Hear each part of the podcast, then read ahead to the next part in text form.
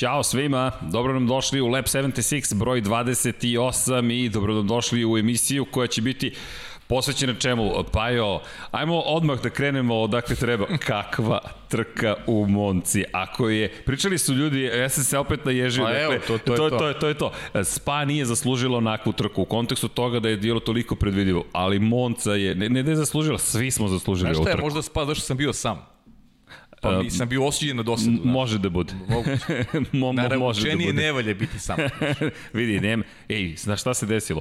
Prošli put, u 27-bici, kažem kako nikad ne propuštaš ništa praktično i u petak te nema odjednom i pišu mi ljudi, ej, kao kletva komentatora, ali Paja nije mogao da, da propusti ni nije, subotu, znaš ni nedelju. pa, Petak sam propuštao, bilo je tu Jel i jesi? tamo. Jesam, petak sam propuštao, nikad, nikad kvalifikacije i trku nisam propustio za ovih 10 godina. Da, to, to, to nikad, I apsolutno. moram ti priznam da sam bio na ivici da ti kažem u subotu da, da nisam baš u stanju, ali je pobedilo to u meni, ta kao, e, neću da propustim, kao, znaš, idem do kraja. Ludilo neko, znaš, ono. Znaš i sam kako Znam sve, smijem se s obzirom na činjenicu da, da, da teško je zaustaviti. Baš pričamo, sad nam dolazi vikend Mizano, Mugello i to Mizano, MotoGP, Mugello kada je reč o Formuli 1, koliko god to nevjerojatno zvučalo, ali pazi, Monza, Mizano, Mugello, MMM, dakle, ok, sve je znaku Italije i, i slova M, ali kakva trka u Monci? Kakva trka u Monci, ja sam i dalje pod utiskom, evo danas je utorak, mi snimamo i ja razmišljam o Pieru Gasly, o tim scenama, on sedi na pobedničkom postolju i, i, i, i razmišlja. I znaš šta je sad moj utisak eh, ka, kada sve saberem? Hvala Ferrariju što je tako loš. Hvala im na, hvala im na ovoj trci, Čekaj, znaš. kome sve treba da se Pa zahvali? naš kom, pa, pa Ferrariju. Kevinu Magnusenu otkazao Ferrari, Charlesu Leclercu koji je napravio grešku. Znači, Ferrari je taj koji je napravio trku na svojoj stazi u Monci. Izvini, i Carlos Sainz koji juri za pobedu u poslednjoj krivi, u poslednjem krugu, dakle Tako opet je. budući Ferrari Budući vozač. Ali generalno da nije bilo problema Ferrarijevih, po znacima navoda predstavnika, znači Charles Leclerc koji je zvanično vozač Ferrarija i kvara na, bo, i kvara na bolidu Hasa koji koristi Ferrari agregatima i da bismo imali takvu trku. Ferrari je krivac. Ferrari je zaslužen u stvari što smo imali takvu trku. Često kritikujemo Mercedes da je kriv što su trke lako, što su, neću da kažem, hoću da se izrazim vrlo precizno, što su Dajte. predvidive. Ajmo tako da kažemo. Jesu predvidive, Dakle, predvidive. Ali da se zahvalimo i Mercedesu, napravio je grešku, nisu pogledali, saznali smo kraj, inženjeri nisu gledali uopšte u interni sistem komunikacije gde je pisalo da je ulaz u pit lane zatvoren, Luisa Hamiltona nisu na vreme obavestili, Hamilton sam gledao u desnu stranu s obzirom na incident posle parabolike, to jest na ulazku u pit lane je sa desne strane bio bolid Hasa, to je Kevina Magnusena, tu su redari, a levo su zapravo bila sveta koja upozoravaju da je zatvoren pit lane. Jeste. Ja, ja, moram da kažem i ovo. A, odgovornost negde snosi direktor trke. Moram to da kažem. Jer zaista nije bilo signalizacije na ulazku u pit lane. Sveći da smo gledali i ti ja. Ništa nismo uočili sa desne strane. Ok, Mercedes je napravio grešku, ništa Jeste. sporno, jer druge ekipe nisu nasele na, na, na, na, na, na Prosto vrstu greške. gledale Prosto- su, inženjeri su gledali poruke. Tako je. Gledali su poruke. Kad gledamo ovako mi iz, iz naše percepcije, sa leve strane je bila signalizacija da je zabrin ulazak u pit lane, međutim sa desne strane prilikom ulaska u pit lane ti nigde nisi imao signalizaciju da postoji zabrana. Znaš, tako da sa te strane, e, kako bih rekao, neka doza opravdanja, ne treba Mercedes opravdanja, sve su napravili grešku. Sećaš se šta je radio Lewis Hamilton, odmah je išao ka sudijama, odmah izašao kad su istaknute crvene zastave, krenuo ka sudijama da da pronađe neku neki neki način da da izbegne kaznu, ali shvatili su Mercedesu da su napravili grešku i prihvatili su je, nema nema dileme. Retko se Mercedesu potkrada potkrada takva greška, ali moram da kažem da zaista a, sa desne strane na ulasku u pit lane nije postojala nikakva signalizacija. Uh, ajmo, ajmo, ajmo samo da se vratimo na, na, na sekund. Ja sam skočio odmah u temu tipa kakva trka. Za Da. one koji slučajno nisu pogledali trku. Prva preporuka, potražite reprizu na, na sport klubu. To je, to je pod jedan. Osnovna stvar. Osnovna stvar. Dakle, druga stvar, ako slučajno ne možete da gledati na sport klubu, gde god da živite, gde god da radite, gde god da ste trenutno, potražite kako god znate i umete i pogledajte šta se dešavalo.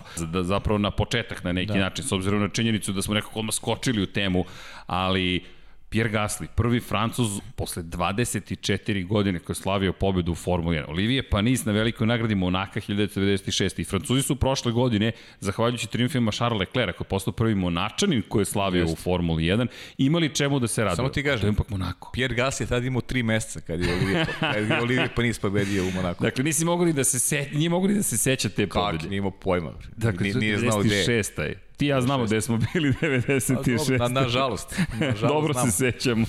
Da, sećam se i te cele trke i odustajanja. Schumacher na početku, pa Hill otkazuje motor, a Juri da, da dođe do toga što je postigao Graham Hill, njegov otac koji je bio pre Ayrtona Sene kralj zapravo Monaka, I onda Olivije Panis koji prolazi u Ližijevu, prolazi kao, kao proplasirani i, i sediš i kažeš šta se ovde desilo Jeste. ljudi, kakva to luda trka. A posljednji Francus koji je slavio u Monci, u Monci Alan, Alan, Alan, Prost, Alan Prost. Alan Prost. I to Alan Prost, znaš, Alan Prost, uh, sećaš se pobjede Alan Prost u bojama McLaren? Da, McLaren Honda. Pobeđuje za McLaren, ali prelazi naredne godine u Ferrari. U Ferrari, tako je. I on je tada postao ljubimac, postaje ljubimac tifoza. Zašto bi pobeda Carlosa Sainca bila specifična? Mogli bi da pravimo poređenje sa Alan Prostom. Je, lepo. I se sećaš šta Alan, Alan Prost uradio kada je pobedio? Bacio je pehar među tifoze. Tad je Ron Dennis nije bio, ne mogu da veruješ se dešava. Pa su... Bio šokiran. Njegov vozač baca pekar među tifoze koji oduševljeno čekaju Alana Prosta naredne godine u, u, u Ferrari. Čekaj, moramo da zapamtimo tu misao, ali činjenica je zapravo, možda to najbolje oslikava odnose vozača Ferrarija. Pre, tokom i posle. Dakle, niko te ne voli pre nego što uđeš ne, u Ferrari, niko, pa svi da. te vole i onda Alan Prost se neslavno oprostio od Ferrari. Nazvao ga je kamionom, pa su Tako mu rekli, vrata su tamo, izađite iz naše ekipe. Izađi iz kamiona. Izađi iz kamiona, izašao iz kamiona. Sada smo u situaciji da gledamo Sebastina Fetela, opet eto paralele, mada je, mada je tada imao tri titule, Prost četiri na kraju karijere izađite napolje i Sebastian Vettel nije baš rekao da je kamion. Pa dobro, ali... Sebast, da, Sebastian Vettel ne priča baš, ne šalje neke otrovne strelice, ali jasno stavlja do ali, znanje da, da, da ekipa ne može više, ali može rekao, bolje. u utorak, dakle danas će biti u simulatoru, rekao makar tu bolid ne može da se pokvari. Da.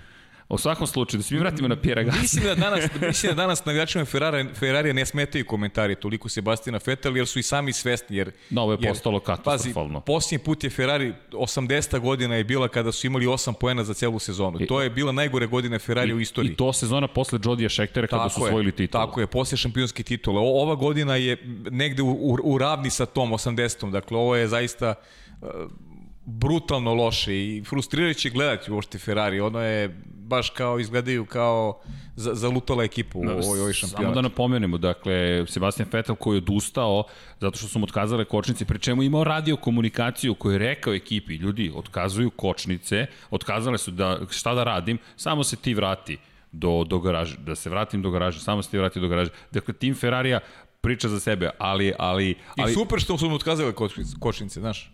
pa, pa sad... bolje za njega da je tako završio trku nego da je, nego da je bio nego da je George Russell u Williamsu ga pretekao pa, u sred Monce. Pa sećaš se da je, da, je, da je pretio George Russell, da Jeste. smo čekali tu borbu, pa su u tom momentu otkazale pa, kočnice. Ali to je već bila izgubljena bitka. Realno Jeste. otvoren DRS, Jeste. Williams je bočno pokraj Sebastina Vettel i na kočenju činilo se da ima bolje kočenje Vettel, zapravo nije imao kočenje uopšte. Ne, nije imao kočnice, ostao bez kočnice. Surove šale kruže da, da je Binotto, Matija Binotto šef Ferrari zapravo rešio da ubrza Ferrari tako što će ukinuti kočnice to je surovo, ali došli smo do tog stadijuma. Ali da, da, da se vratimo mi na Gasly. Na, na našu Čekaj, priču, da, da. Pierre Gasly, Alfa Tauri. Pazi sad koliko tu paralela imamo.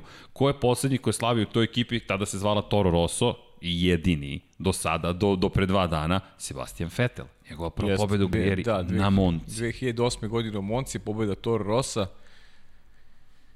Neverovatna priča, zaista, neverovatna, životna priča, ono što smo Jest. govorili tokom prenosa, životna priča, kako je, kako je poučna priča. Kad padneš na dno, kako može čovjek koji ima i, i veru o sebe, ima i znanje, kako može da se vrati. E, svoje vremeno je, ako sećaš Algeseri kada je vozio ono, ono vreme za, za ekipu e, Alfe, e, pa, pardon, za ekipu Toro Rosa, da je rekao dr. Helmut Marko ako pobedi u nekoj trci da će ga vratiti u Red Bull. Nikada nije pobedio. Šta će biti sada sa Šta će biti sa Šta će biti sa Pierom Gaslim? Iako je pre trke rekao uh, dr. Helmut Marko da će Gasly ostati sigurno u ekipi Toro Rossa, jer mu treba jedna jaka ličnost, jedan, jedan kvalitetan vozač, superstar koji će voziti za, za ekipu Alfa Taurija. Veruje i naravno I u ekipi Alfa, i u ekipi Alfa Taurija veruju da će ostati naredne godine Pierre Gasly, ali ja se ne bih e, zakleo da će se to dogoditi nakon, ne samo zbog ove pobede, Nije samo pobeda ova, nego kompletno izdanje, sve ono što pa. pruža od početka sezona. Znači, mi, mi ne pričamo sada u superlativu Ajde. Pieru Gasliju, nego pričamo o tome od početka godine. Da, ali ajmo, ajmo da vratimo film i, i, i nazad dva dana i, i, i 18 meseci unazad, dakle pre dva dana, Pierre Gasly u Alfa Tauri Hondi. Dakle, to da. je tim koji je u Faenci stacioniran, to je tim koji je Giancarlo Minardi osnovao 70. godina prošlog veka kao Minardi, pa je to postao tim Tora Rossa, pa je Tora Rossa prerastu u Alfa prerastu, promenio su Alfa Tauri, slavi, i, inače da, to je isto jedna od, od šta da radite, volimo da skačemo s teme na temu, ali ne mogu da pobegnemo od toga.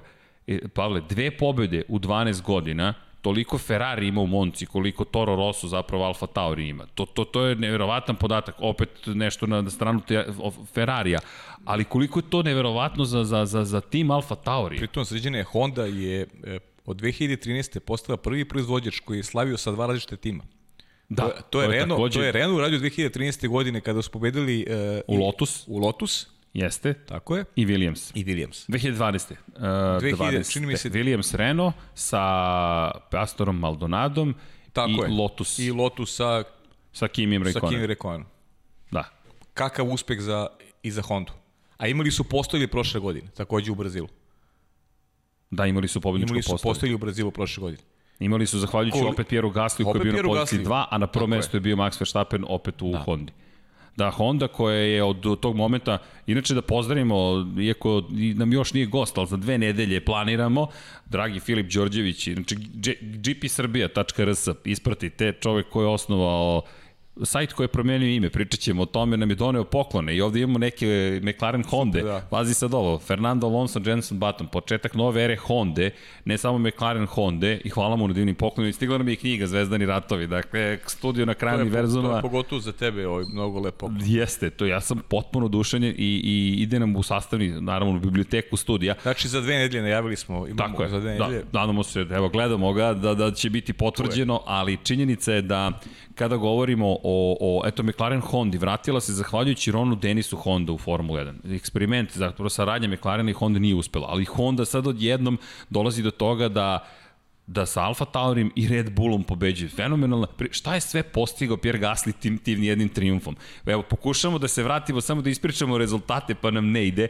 ali eto, pobeda Pavle Ajde, ajde, Monci. idemo od te godine. Hoćemo da se vratimo... 2011. Ili 2011. je bila kad je Pastor Maldonado, 2012. 12. 12. Znači, u 2012. godine mi nemamo uh, tako senzacionalnog pobednika.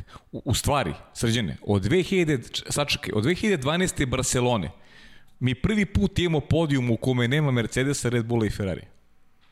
Od Barcelone 2012. Znači, prošle 8 godina. 8 godina je prošlo da mi nemamo na podijumu ni Mercedes, ni Red Bull, ni Ferrari. To je gotovo nemoguća misija. Nemoguća misija. Znači, Bukvalno se to dešava, to se dešava jednom u 10 godina. Čekaj, znači, imamo osmeh na licu, ali... To, to, to je nešto neverovatno. E, ali, ali koliko je bilo, ali se sećaš subote, dakle to je bilo pre 3 dana, ajde da pomerim za jedan dan. I... S obzirom u kakvom sam stanju bio, slabo se sećam subote, iskreno ti kažem. Ali atmosfera. I znam da smo pričali i, i, i, i bilo i na Twitteru komentara, ja očekam nas još jedna dosadna trka, svi sve znamo i tako dalje. I, I moram da pozdravim LFC Lebrona, dakle, ostaje komentar, ne, to je drugi komentar, izvinjam se. Dakle, Marijan Filipović kaže, obratite pažnju na reči izgovorene prošle emisije od 35 minuta, 10 sekundi do 35 minuta, 15 sekundi gde ti ja kažemo, pa dobro, sve je izvesno. Lewis Hamilton, Valtteri Bottas, Max Verstappen. Max Uh, poruka nam je Moša sa smajlim. Jeste bila Moša u Monci, fenomenalno. Ja priznajem da nisam očekivao ovakvu trku. Ja, ja u subotu sam bio ubeđen da će biti zabavno. Nešto mi je... Nisam, mirisalo, mi iskreno, iskreno, iskreno kažem nisam, zaista. Da. Zaista nisam. Verovao sam da će negde ići sve svojim tokom, Mercedes i Max Verstappen treći, međutim već Max on je učinu kvalifikacijama kada nije mogo da parira, kada su napravili sjajne i Sergio Perez i Ricardo. Očekivao sam više od Renault. Evo recimo sad... Pa sad priča o modovima, ona da. čuvena koju ćemo, e, bravo, ćemo pričat ćemo, otvorimo. Pričat ćemo o modovima, tako ozbiljno. Jeste, jeste, već je za analizu. Ali već da. se tu videlo da miriše na promene. Ka, prlja vazduh, očigledno tu Mercedesu ne odgovara. Ovo je, ali ovo je, ovo je, ovo je fantastična trka. I krećemo od emocija. Prosto, emocije su najvažnije stvari. Dakle, Jesu. Pierre Gasly, koji pobeđuje. Prva njegova pobjeda u karijeri. Uh, ispričat ćemo, ajde da pokušamo da ispričamo tu priču. Dakle, Pierre Gasly, koji je pre 18 meseci bio vozač Red Bulla. Vozač Red Bulla, sećamo se one Austrije, krug za ostatku u odnosu na Maxa Verstappena, što je nedopustivo za tako veliku ekipu. Pa onda incident sa Aleksom Albonom koji ga zamenio u Red Bullu na velikoj nagradi Nemačke. je. I, posle toga... On, ono što će meni ostati zaovek urezano, urezano onako u neku memoriju, uh, to je prva trka Pjera Gasly kao vozača, iznova vozača Alfa, Alfa Taurija, tačnije tada Toro Rosa. To je onaj izraz lica i njegove porodice Da. i njega samog, one, one, one, one kamene, kameni Gotovo izraz nemoći. lica.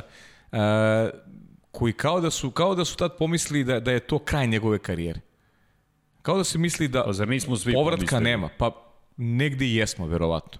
Negde i jesmo. Ako se vratimo na trku u Belgiji prošle godine, Ru- Ruku na srce negde i jesmo, I zaista. djelovalo je kao da tu nema povratka. Jednostavno gledaš čoveka koji je prezentovan, dakle pre 18 meseci kad, januar, februar, u februaru je prezentovan bolid, gledaš te promotivne slike. Ti voziš za Red Bull, ti voziš za jednu od najvećih ekipa u Formuli Jeste. 1. To je elita. Dakle, to govorimo o vrhu takmičenja. Ispešći doktor Helmut Marko vizionar.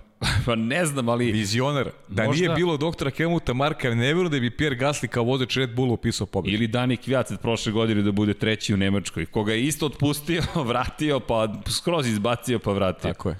Surovo se igra sa, sa, sa, sa ljudskim karijerama i sudbinama, ali ako pogledamo šta se sve izdešavalo, Pierre Gasly, kakva ironija, hvala Red Bullu što me otpustio, to je jedna od poruka na, na internetu, što me prebacio. Alfa Tauri. S obzirom činjenicu da se Albon muči, to je tek tema za sebe, mnogo tema imamo, Albon nastavlja da se muči, a Pierre Gasly u Alfa Tauri beleži pobedu. I, I sad ta paralela sa Sebastianom Vettelom. Vettel je kao, po- kao neko je pobedio u Toro Rosu, postao kasnije četvorostruki šampion. Šta će biti sa Pierre Dve godine kasnije počeo, to je Da. jedan od komentara bio na hashtagu SKF1, da. Šta će biti sa Pierreom Gaslyjem? Kakve su njegove šta je šta je budućnost Pierre Gaslija?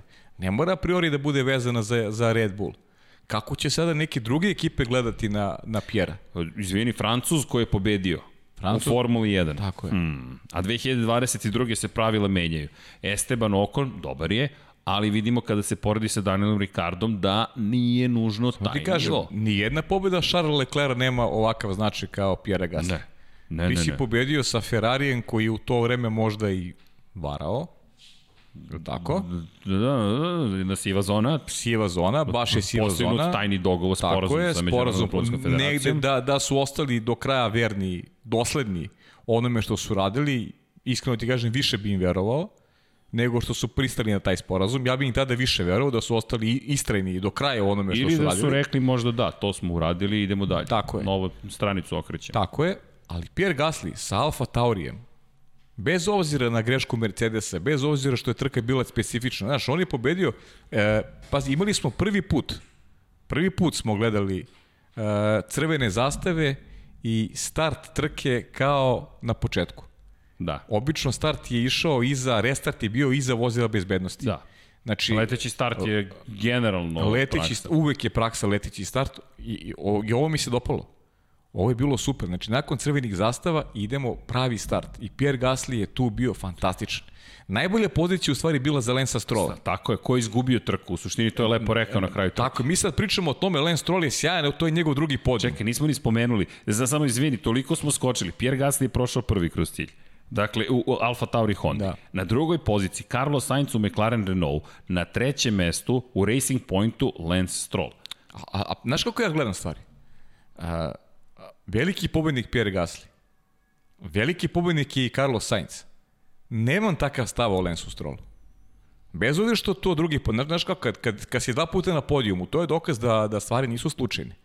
Ali nemam utisak o Lensu Strollu kao Pieru Gasly i Carlosu Sainzu. Dobro, Sainz je trkao do kraja. Carlos, Sainz je trkao do do kraja, kraja. rekao ja, ja hoću Pjera. Hoću pobedu. Hoću pobedu. I on je bio čak i razočan. E, Ti dobro znaš moj stav. Ja nisam neko ko, ko je ko je prema Carlosu Saincu nešto onako... Strožiji si. Strožiji sam prema njemu i čak sam onako i sumnjičav, ali oduševio me u ovoj trci. Zaista je bio fantastičan i taj stav, hoću pobedu i, i činjenica da je stigao na kraju Pjera, da je sam je rekao, moguće da je krug nedostajao. Lance Stroll mi se u celoj priči najmanje dopao, jako je došao do podijuma. A imao je najbolju poziciju. Da. Opet loš start, nije uspeo da odoli napadima, pritiscima i, i Pjera Gaslija i Carlosa Sainca. Znaš, ostoje tamo treći, ja mislim, nije mogo da bude lošiji od treće pozicije. Da, gotovo, to je baš lepo rečeno. Ne možeš da budeš lošiji nije od mogo ovog. da bude lošiji od treće pozicije. Tako da taj njegov učinak ne bih podveo pod e, neki ne znam, van serijski učinak. Više je plot slučajnosti, ne zaboravimo, Pierre, e, jedini Lance Stroll od vodeće grupe nije menjao gume do crvenih zastava. On je vozio na istom setu pneumatika, menjali su mu pneumatike kada je došao u pit lane, Da crve pod crvenim zastavom. tako je, i imao je priliku kao prvi da da restartuje, da, tačnije da, da iznova startuje u trci, Da, bio je drugi za Hamilton, ali de facto ali, prvi. ali je očen, očeno je startovao. Ali, očeno ali, je startovao. ali znaš ko je meni? Pierre Gasly je pobednik, nema tu šta. Veliki, dileme. veličanstveni, Veliki, predivni, veliki. romantični, sve, sve u jednu, sve u jednu, taj, ja, ja u isti ko stavljam i Carlosa Sainca. ali to sam upravo htio ti kažem. Dakle, jeste, sve to postigao Pierre Gasly. Međutim, kada pogledamo prvu i drugu trku, ko je najbolji od ostatka sveta bio?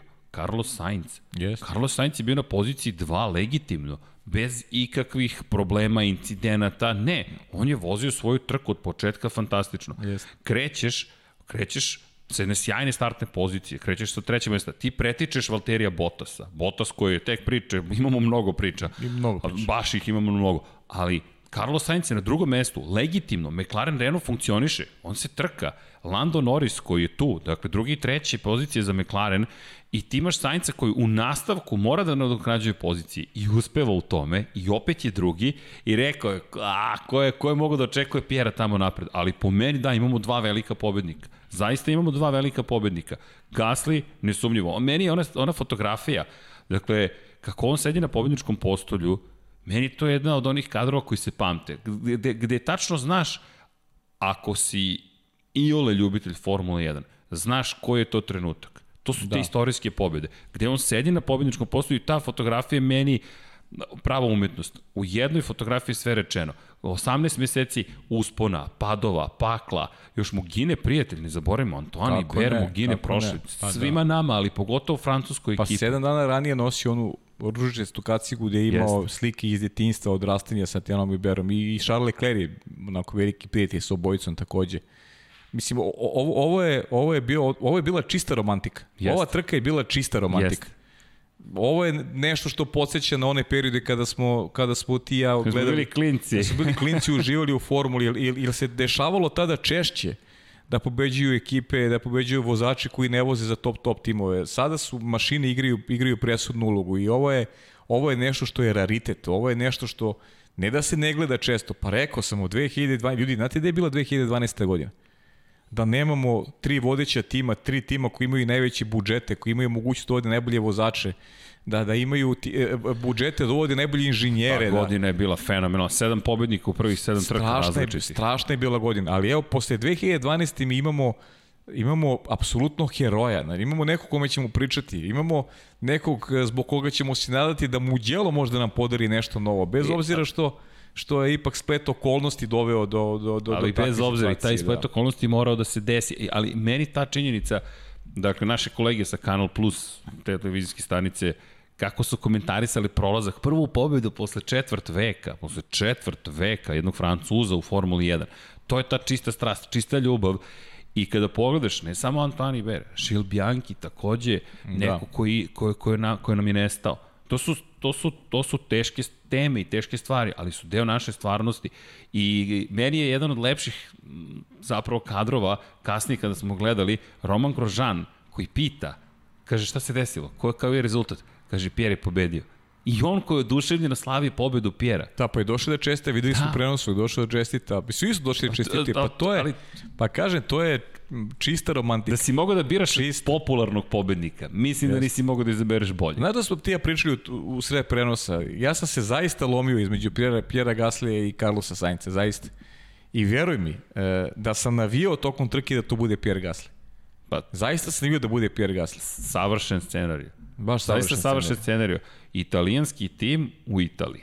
Mali tim. Je to i dalje mali tim. Mali Njihovi budžeti su tri puta manji od Red Bullovog budžeta. I fantastični Franz Tost, Franz koji, Tost, koji je, čekaj. ja ne znam šta je čovjek prošao tokom prethodnih godina. Ne znam. A znaš šta se ne menja? Ne, nema, nema šta, ne, nema koje agregate nisu oni koristili. A to bi je fenomenalno. Ti, si, ti koristiš Renault I znamo koliko je nemoguće prepakovati bolid. Dakle, stvoriti novu šasiju, stvoriti novu oplatu, um, naći način da maksimalno iskoristiš menjač i motor. Pa onda pređeš sa Ferrarija na Renault. Da kažeš, čekaj, ajmo mi nazad na Ferrari. Pa onda kažeš, dve sezone koristiš Renault, kaže ajmo nazad na Ferrari. Jednu sezonu koristiš Ferrari, ajmo mi nazad na Renault. I onda posle jedne sezone Renault, e ajmo mi sad ponovo da promenimo, ali ovog puta na Hondu. Pa ljudi, kako? Ludilo, ludilo. I to je u hibridnoj eri. Pošto se ja. pitamo šta će McLaren s prelaskom na Renault na, sa Mercedes. Evo nek idu kod Franca Tosta i pitaju dobro prijatelji kako se to radi. Daj nam recept. Daj, Daj nam recept. recept. Da, i 50. trka inače u saradnji Alfa Tauri, to je Toro Rossi i Honda. Pazi, to, to, to, to, to je... Kakva godina, evo, ove, imali smo, znači, pobedu, uh, Mercedes je dominantan, pobedu Red Bulla, pobedu Alfa Taurija. Iskreno ti kažem, mogu da zamislim da ove godine pobedi možda čak i Renault Racing Point. McLaren. Ali McLaren takođe, ali ne mogu da zamislim da Ferrari možda pobedi.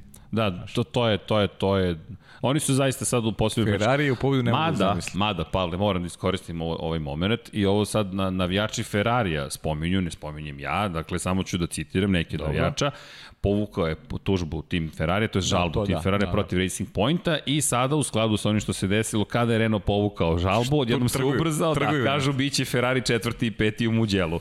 Ali šalno na stranu, ozbiljna vrlo tema i videli smo da ta priča kako je jednom Renault dobio neki poklon od Mercedesa baš i ne pije vodu. Renault, evo nismo ih još spomenuli, u trci nisu bili loši, ali ni blizu onoga u Belgiji. Odjednom, i, i ta priča o modovima koliko će biti koliko će biti važna, samo, samo bih se vratio na ono što si rekao apropo pobede, da, da, ne, da ne pobegnem na ovu drugu temu. Dakle, kada pogledaš Sainz kako je vozio, Norris kako je vozio, kako su se borili pa McLaren, pa, ali, ima ali, šansu. Bilo je dosta, dosta i tih nekih srećnih okolnosti, realno, da je ostao koji krug više, recimo Ricardo na, na, na gumama s kojima je započeo trku, automatski bi stekao dobru poziciju, da se bori za podiju. Da, bilo je tu dosta sretnih, srećnih tačnih okolnosti. Naš. Prvu trku kada pogledaš, Alfa Tauri je tu bio dobar. Prosto su, jest, bili jest. su dobri. McLaren je bio svakako dobar. Ko nije bio dobar, pazi, lepo si rekao, eto, u 8 godina nismo imali takvu trku. Mercedes je bio Lewis Hamilton bio odličan kada je reč o vožnji. Pa mislim, Lewis Hamilton standardno. je standardno bio dobar. Lewis Hamilton je išao sigurno ka 90. pobedi, da se nije sve to događalo na stazi. Kažem, Ferrari je krivac za, za fantastičnu Ali pazi, Ferrari se mučio od početka do kraja. U kvalifikacijama 13. Charles Leclerc 17. Pa ne, generalno korisnici Ferrari Ferrigata, kažem i Kevin Magnussen koji nam je, Kevin Magnussen prvi izlazak sigurnosnog vozila kasnije greška Charles Leclerc. Zato ti kažem, da, da nije bilo Ferrari, ne bismo imali takvu trku. Sve se slažem, ali samo, pa, pazi ovo, Red Bull se takođe mučio. I ako Jeste. pogledaš Mercedes, Bottas se mučio. Jedini ko se nije bio mučio je bio Lewis Hamilton koji je na kraju, zahvaljujući ekipi, pa i svom propustu rekao ovo je zajednička greška, zajedno smo pogrešili. Znaš šta misli ko je najvećem problemu posle Monci? Koji je najvećem problemom da. posle Monci? Ajde, šta ti misliš? Evo, ja, ja imam sad, u glavi čoveka koji je najveći problem posle Kao Monci. vozač ili... Kao, kao vozač, kao vozač, kao neko ko me nesigurna budućnost u ekipi. Iz moje prizme. O, sad si me moram ti priznati izbunio, ali zna, imamo dve, Alex Albon i Dani Kjat. Lepo si rekao. Albon. Alex Albon pre svega. Da, Alex Albon koji je opet nevidljiv bio. On je jedino bio bolji od eh, Antonija Đovinacija sa sve onom kaznom Antonija Đovinacija. On bi bio lošiji od, i od Đovinacija da nije bilo kazne. Ali zamisli Alfa Tauri u kojem su Pierre Gasly i Alex Albon. Pa mogu da zamislim. Ako pogledaš, znači, Albon mogu da je da bolje funkcionisao po tostom nego što funkcioniše u situaciji visokog pritiska kakav je Red Bull. Očigledno, očigledno da, da, da nosi taj pritisak. To je ona izjava Jensona Batona. Da. Da ne zna vozače još oceni i Šumahira koji toliko uništava konkurente kao što je Max Verstappen. Znaš, uh, utiče na njihovu psihu. Oni znaju da moraju da isporučuju rezultate koji su negde na nivou Maxovih. Ne mogu da budu kao Max, ali bar da budu blizu Maxa. I njih to uništava uništava jer su mnogo slabiji od Max. mislim da i, i ne samo Max, mislim da i ceo Red Bull je drugačija vrsta okay. mašine. Ok, to je, i, i to je tačno, to je ali, ali, ja, ali mislim da je Max osnova svega. Slažem se. Ne mogu da budu na tom nivou, samo, na maksovom nivou. Samo što Red Bull sam po sebi je još surovija atmosfera. I to je ono što smo pričali, Alex Albon koji se prošle godine iz roditeljskog doma seli u Monako, Zna se gde živi vozač Formule 1, ozbiljan vozač Formule 1. Ne, ti ne živiš kod mame i tate. Ti živiš tamo gde živi elita živiš u Monaku. I to, koliko god nama delovalo zabavno, dolazi s cenom. Cena je isporuči rezultate. I nema nema izgovora. Moraš da isporučiš rezultate. Da, podržat će te ekipa, ali moraš da isporučiš rezultate. Deluje mi da je tu velikoj prednosti Franz Tost zajedno sa Alfa Taurim u kontekstu toga da imaš zapravo situaciju u kojoj deo si Red Bullovog programa, deo si juniorske ekipe, ali nisi pod takvim lupom javnosti kao kada si u Red Bullu. No, normalno. I to mi djeluje da mnogo više prije i Albonu, pa Gasly rekao bih očigledno. S tim što, sad je Gasly ipak pobednik u Formuli 1. Sad se Drugače menja situacija. Percepcija. Pa mnogo se menja Imaš situacija. pobednički peh. No, tako je. Mnogo se menja. Ti si sada, ti si sada u rangu jednog Maxa Verstappena, ti si u rangu vozača koji su ostali, šta je to? Pa, pazi, u ovoj, u ovoj modernoj eri Formula 1, biti pobednik u trci. No, Pored takvih haždaja, kao što su Mercedes, Ferrari i, i, I Red Bull. I Red Bull. Pa, pobeda Pjera Gaslija. Ljudi, ne, da se najuti ljudi, navijači Valterija Bottasa će me zamrziti sigurno. Na, Nijedna pobeda da Valterija Bottasa nema vrednost pobede Pjera Gaslija. Nijedna pobeda Valterija Bottasa nema vrednost pobede Pjera Gaslija. Da, to su, to je baš snažno onako, ali... Nema, nema tu vrednost i iskreno ti ja kažem... Ja sam možda ipak malo nežniji. Ne znam, mislim da jesi. ipak Jesi, znam da jesi, ali pazi, zato smo... Zato smo razlikujemo se, naravno, razlikujemo naravno. se ja kad je, kad je neki stav u pitanju, znaš, ja... Uh, meni je mnogo drago, pazi, ja nisam neko ko je sumnjao u Pjera Gaslija, realno, ali iskreno, nikad nisam pomišljao da može doći do triumfa u jednoj, jednom ovakvom projektu. Iskreno, uh, zaista sam negde strahovao za momka koji ima talenta, koji je došao do Red Bulla, koji je, koga je negde poništio Max Verstappen i taj povratak u ekipu to Rosa mogo je na njegovu psihu da utiče katastrofalno. Znaš, a on se podigao i pokazao je da je neko ko a, u budućnosti može, ima čak mogućnost izbora. On je neko e, ko sada možda bira. E, ali sad zanimljivo je... legovan status. Izjava, poslednja njegova izjava, je da je spreman da se vrati u Red Bull, ali da to nije njegov potez. Sad, da li, da li misliš da je dobro da ode u Red Bull ponovo? Ne mislim da je sada dobro. Slažem se s tobom. Ne mislim, mislim da, je da je bolje dobro, da ide negdje drugdje. U eri, u eri Maxa Verstappena ne mislim da je dobro. Jer, jer Red Bull je ekipa koja je podređena Maxu Verstappenu i ja to razumem potpuno. Prosto I, izabrali su taj put tako i to je, je. ali, ali on, za, on je sebi kupio sada kartu za nešto više. Ti sad imaš recimo... Slažem se s tobom. Ti imaš, sad imaš u ekipi Ferrarija vozača koji imaju zajedno dve pobjede u karijeri. Da. Imaju zajedno dve pobjede u karijeri. Da, da, dve, obe su kod Leclera. On, Sainz o, nema ni jednu. On ima jednu. On ima jednu. Ti imaš u McLarenu vozače koji... Uh, imaš Landa koji nema još pobedu, ima, ima jedan plasman pobjedičkog Lando nema. Imaš Daniela Ricarda trenutno. Ok, no. Rik, a, ok, Ricardo dobro dolazi, dolazi, dolazi. Alonso se vraća, ok ali ti nemaš u ovoj konkurenciji vozača koji znaju kako se pobeđuje. Mm. Znaš, nemaš, pritom, nema, nema Pierre Gasly samo pobedu. Pierre Gasly ima i podijum u karijeri. Ima. Ima, oba ima i sa Alfa čovjek, to je znači, čovjek ima i pobedu, ima, ima, ima, ima, znači dva podijum ima u karijeri. Sa, kao Dobro. vodač Alfa Taurija. I Francuz. A, podsjeti me, Sebastian Vettel ima pobedu. Šta je još imao u ekipi Toro Rosa osim te pobede? Dobro, ta pol pozicija, pobeda, to je kada je reč o Sebastianu Fetelu. Dakle, to su, to su, to su uspesi. Bolji učinak ima Pierre Gasly kao vozač Alfa Tauri okay. nego, nego Sebastian Teško Vettel. porediti jedan na jedan, ali razumem gde ideš. Razumem, razumem I idemo u smeru, idemo u smeru uh, onog što se zove izbor Pierre Gaslija.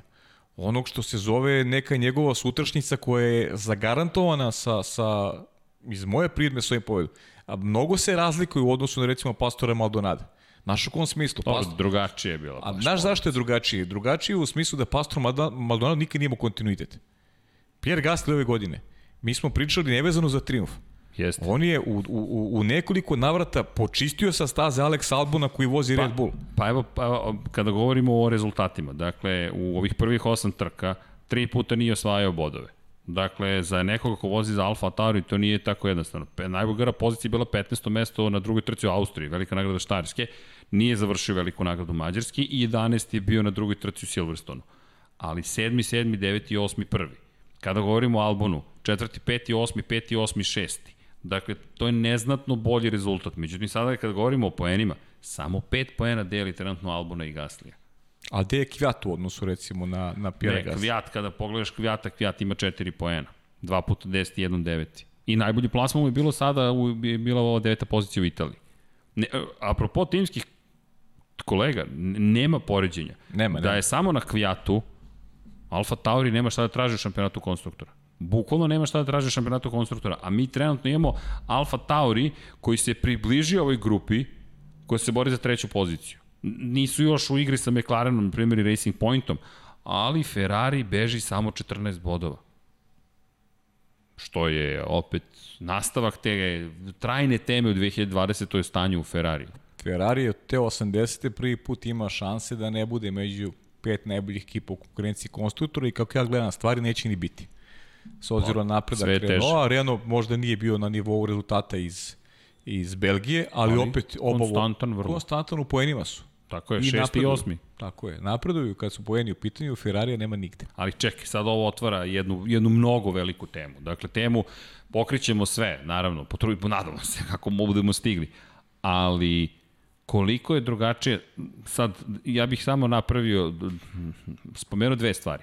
Jedna jeste trka u Monci, gde smo prvi put imali pravilo uvedeno da podešavanje, to jest mod, koji se koristi za motor sa unutrašnjim sagorevanjem. Na početku kvalifikacije da. na kraju trke mora da bude isti. Čisto da pojasnimo, u hibridnoj eri imamo motor sa unutrašnjim sagorevanjem, imamo MGUK, MGUH, dakle motor generator kinetičke jedinice, nalazi se pozadi na, na zadnjim točkovima, na osovini zadnjih točkova, povežen je sa, sa zapravo motorom sa unutrašnjim sagorevanjem, dakle, kada govorimo o o drugom MGUH, dakle, iako je to opet sve kinetika, jedino što ih ga pokreću zapravo izduvni gasovi, govorimo o motor generatoru na osovini turbokompresora, Motor sa unutrašnjim sagorevanjem daje oko 85% snage. Dakle, to je najvažnija pogonska jedinica koju imamo u modernoj Formuli 1. Međutim, kombinacija tog jednog moda i igre između ta dva elektromotora je nešto što čime upravljate kroz software, kroz elektronsku kontrolnu jedinicu i tu se inženjeri zapravo takmiče. Da se vratim na modove. Dakle, sada nema promjena više modova. Ranije ste mogli mod 1, 2, 3, 4, 5 i promeniš ponašanje motora sa unutrašnjim sagrevanjem, malo ga povećaš potrošnju, dobiješ dodatnu snagu ili smanjiš pa štediš gorivo i tako dalje. Sada s manje mogućnosti imaju vozači iz te perspektive. Dakle, to, to, je, to je nešto što smo rekli da će u kvalifikacijama da donese promene. To se nije desilo za Mercedes. Mercedes je bio još dalje u kvalifikacijama, ali ono što si rekao, videlo se međutim da Mercedes sa ovim podešavanjima motora, ako ne vodi u trci, ako padne iza nekoga je ozbiljnim problemima. Valtteri yes. Bottas pogotovo. I mislim da smo tu videli ako ikada postojala bila kakva potreba da se još negde vidi kakva je klasa Lewis Hamilton u odnosu na Valterija Bottasa.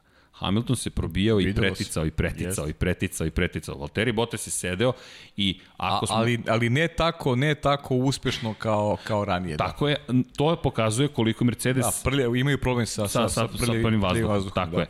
Ali isto tako se videlo Bottas koji je imao mogućnost takođe da menja svoj bolid. Ako nije bio podešen za prljav vazduh u prvoj trci, u drugoj posle crvenih zastava sigurno jeste. To smo i videli kod zapravo lep kadar je bio kada su menjali otvore za hlađenje kod, kod Luisa Hamiltona. Problemi sa hlađenjem izgleda da, da se nastavljaju kod Mercedesa. Čim se nađete iza nekoga, raste temperatura. Znaš I kako je? Problem. Ja sam rekao, Mercedes je glavna zvezda Formule 1 i stojim iza toga. Ali Lewis Hamilton je veliki vozač i Jeste. trka u, trka u Monci je to pokazala. Još jednom pokazala. Mislim, Lewis Hamilton ne treba nikome da dokazuje da je veliki vozač. Najveći vozač dan, najveći vozač današnjice. To to nema dilema. Ja ja kažem, razmenjujemo mišljenja. Uh, i, I dalje ja smatram da je Max Verstappen najtalentovaniji vozač današnjice. Smatram da je talentovaniji i od Sebastiana Fetela i od Luisa Hamiltona. To ne znači da će taj njegov talent jednog dana dovesti njega do toga da ima više titula od Fetela i od Hamiltona. To se nikad, to su to je stvari odluka, Mora izbora, sve da se moraju mnoge stvari da se poklope. Tako je. Ali Lewis Hamilton je pokazao u Monci koliko je veliki. Sa začelja imao je 14 sekundi za ostatku jednom momentu u odnosu na Alex Albona. Sad negde 16. na 15. poziciju je stigao, ne znam koliko mu je krugova trebalo. E, njegov inženjer je negde predvideo da će biti šesti na kraju. Pogrešio za jedno mesto. Za jedno na, mesto. na kraju je bio sedmi. Da. Ali je vozio fantastično, priuštio nam i on je priuštio pravu zabavu. Uz, uz celu trku je bila sjajna i Luis nam je priuštio sjajnu zabavu s obzirom da je došao do sjajne pozicije uz najbrži krug trke. I to ona priča Luisa Hamiltona generalno da konkurenti, kada on ima loš dan, taj njegov loš dan niko ne uspeva da iskoristi. Bottas koji je ja ne, ja ne znam kako bih nazvao, mislim, treba da ponovim ono što, što, što, što govorim za Bottasa stalno. Pa ne malo, znam, već je postalo, degute, malo možda, je postalo možda teško. Je, možda je Meni degute. je teško makar, ali možda je degute. činjenica je da je da je, da je Bottas ponovo izgledao kada je potpuno izgubljen u pa celoj situaciji. katastrof. Srđane, me, me, za, iz moje prizme Valtteri Bottas nije više vredan te ekipe. Znaš, to je greota da jedan George Russell vozi za Williams, a da ne Zavisi dobije... šta želiš. E, to je to. Zavisi šta To je želiš. to. To je to. Toto Wolfu i društvo očigledno jedan takav To apsolutno je, odgovara. E, jasno. Dakle, sediš na poziciji 2, čuvaš Tako i je. tako dalje. Međutim, međutim, ova promjena modova, dve stvari, to je ono što sam htio da napomenem. Jedno je trka u Monci, to je prvi put da imamo modove u upotrebi. Mercedes, niti bilo koja druga ekipa, još nisu imali podatke. Zašto je, ja, da mogu da I- i nagađam, to je mogu. I to je tačno. Ali da kažem, argumentovano će se desiti to i to ne mogu dok ne vidim da ne, nemam nikakve istorije informacija. Mi, mi, mi smo prvi put prisustvovali jednoj takvoj trci. Čuli smo Mercedes, to jest Bottasa koji je rekao, ovi modovi su smešni, ovo je smijurija. Nije to rekao posle kvalifikacije, nekako kako ti se stvari vrate ponekad. Mm -hmm. Budi pažljiv šta pričaš, to je poruka Bottasu. Dakle, posle kvalifikacije se našali, eto, modovi promenjeni, mi smo još dalje. Jeste. Mm, 24 časa kasnije, odjednom ne da niste dalje, nego ste u ozbiljnim problemima. To jest, odjednom je mnogo otvorenija situacija. Monci je inače tradicionalno mesto gde se teško pretiče, pogotovo kad se stvori taj DRS vozić, ali Bottas u Mercedesu nema opravdanja da, da Pa ne. je toliko stabilan. Ako pričamo o odsustvu snage, videli smo kakav je Mercedes u krivinama. Na pravcima nije najbrži. Naprotiv, nego kroz krivine nadoknađuje pozicije. Aerodinamika, ono što smo pričali, već ima dve godine da su u tom pogledu Otišli mnogo daleko. čak, čak su otišli ispred Red Bulla. Koji je bio glavni. Bio je reper za, za Da. I- pitanje Izvini, malo pre si spomenuo i bio si u pravu, 2013. godine. Znaš koga sam zaboravio kada je reč o korisnicima Renaulta? Red Bull. Red Bull, Red da, da. Bull je taj koji je pobeđivao Red s Bull, Renault sorry, pa dobro, 2013. da. Bo. ok, pa Jeste, godine Red Bull. stižu. A Kimi je te godine na početku sezone slavio. Tako da je Renault Jeste, tada, Red bio si pravo, Red Bull, 2013. Red sa Red Bull Bullom i, i Lotusom. Renault, i Renault, da. Da, I da, Lotus. da, to, to je to, ali već se se prebacio da, Da, Red Bull Honda od uvek. Ali sad, ra- sad, se se seti. principu, da, to je... Ali, Znači, znači triumfa Honda sam samo hteo da apostrofiram. Da, da, samo sam što mi sad, sad, sad, sad, sad su mi se sklopile, sklopili se točkići, od, dakle, vidiš malo slabije paljenje. Voda, voda, voda je čudo. Popiješ malo Voda. vodice i to je to. Hidr, hidrirajte Pa se. moraš malo. Vreme je tako. U svakom slučaju, dakle, da, jeste vreme tako. Dakle, baš smo pričali o tome, hidrirajte se, deco, samo se hidrirajte. Evo, sad je trenutak, sad si mi dao Vanja, šlagvort. Vanja, hidriraj se, Vanja, hidriraj se, Vanja. Vanja, Vanja, evo ga, ko ima drinking game, Vanja.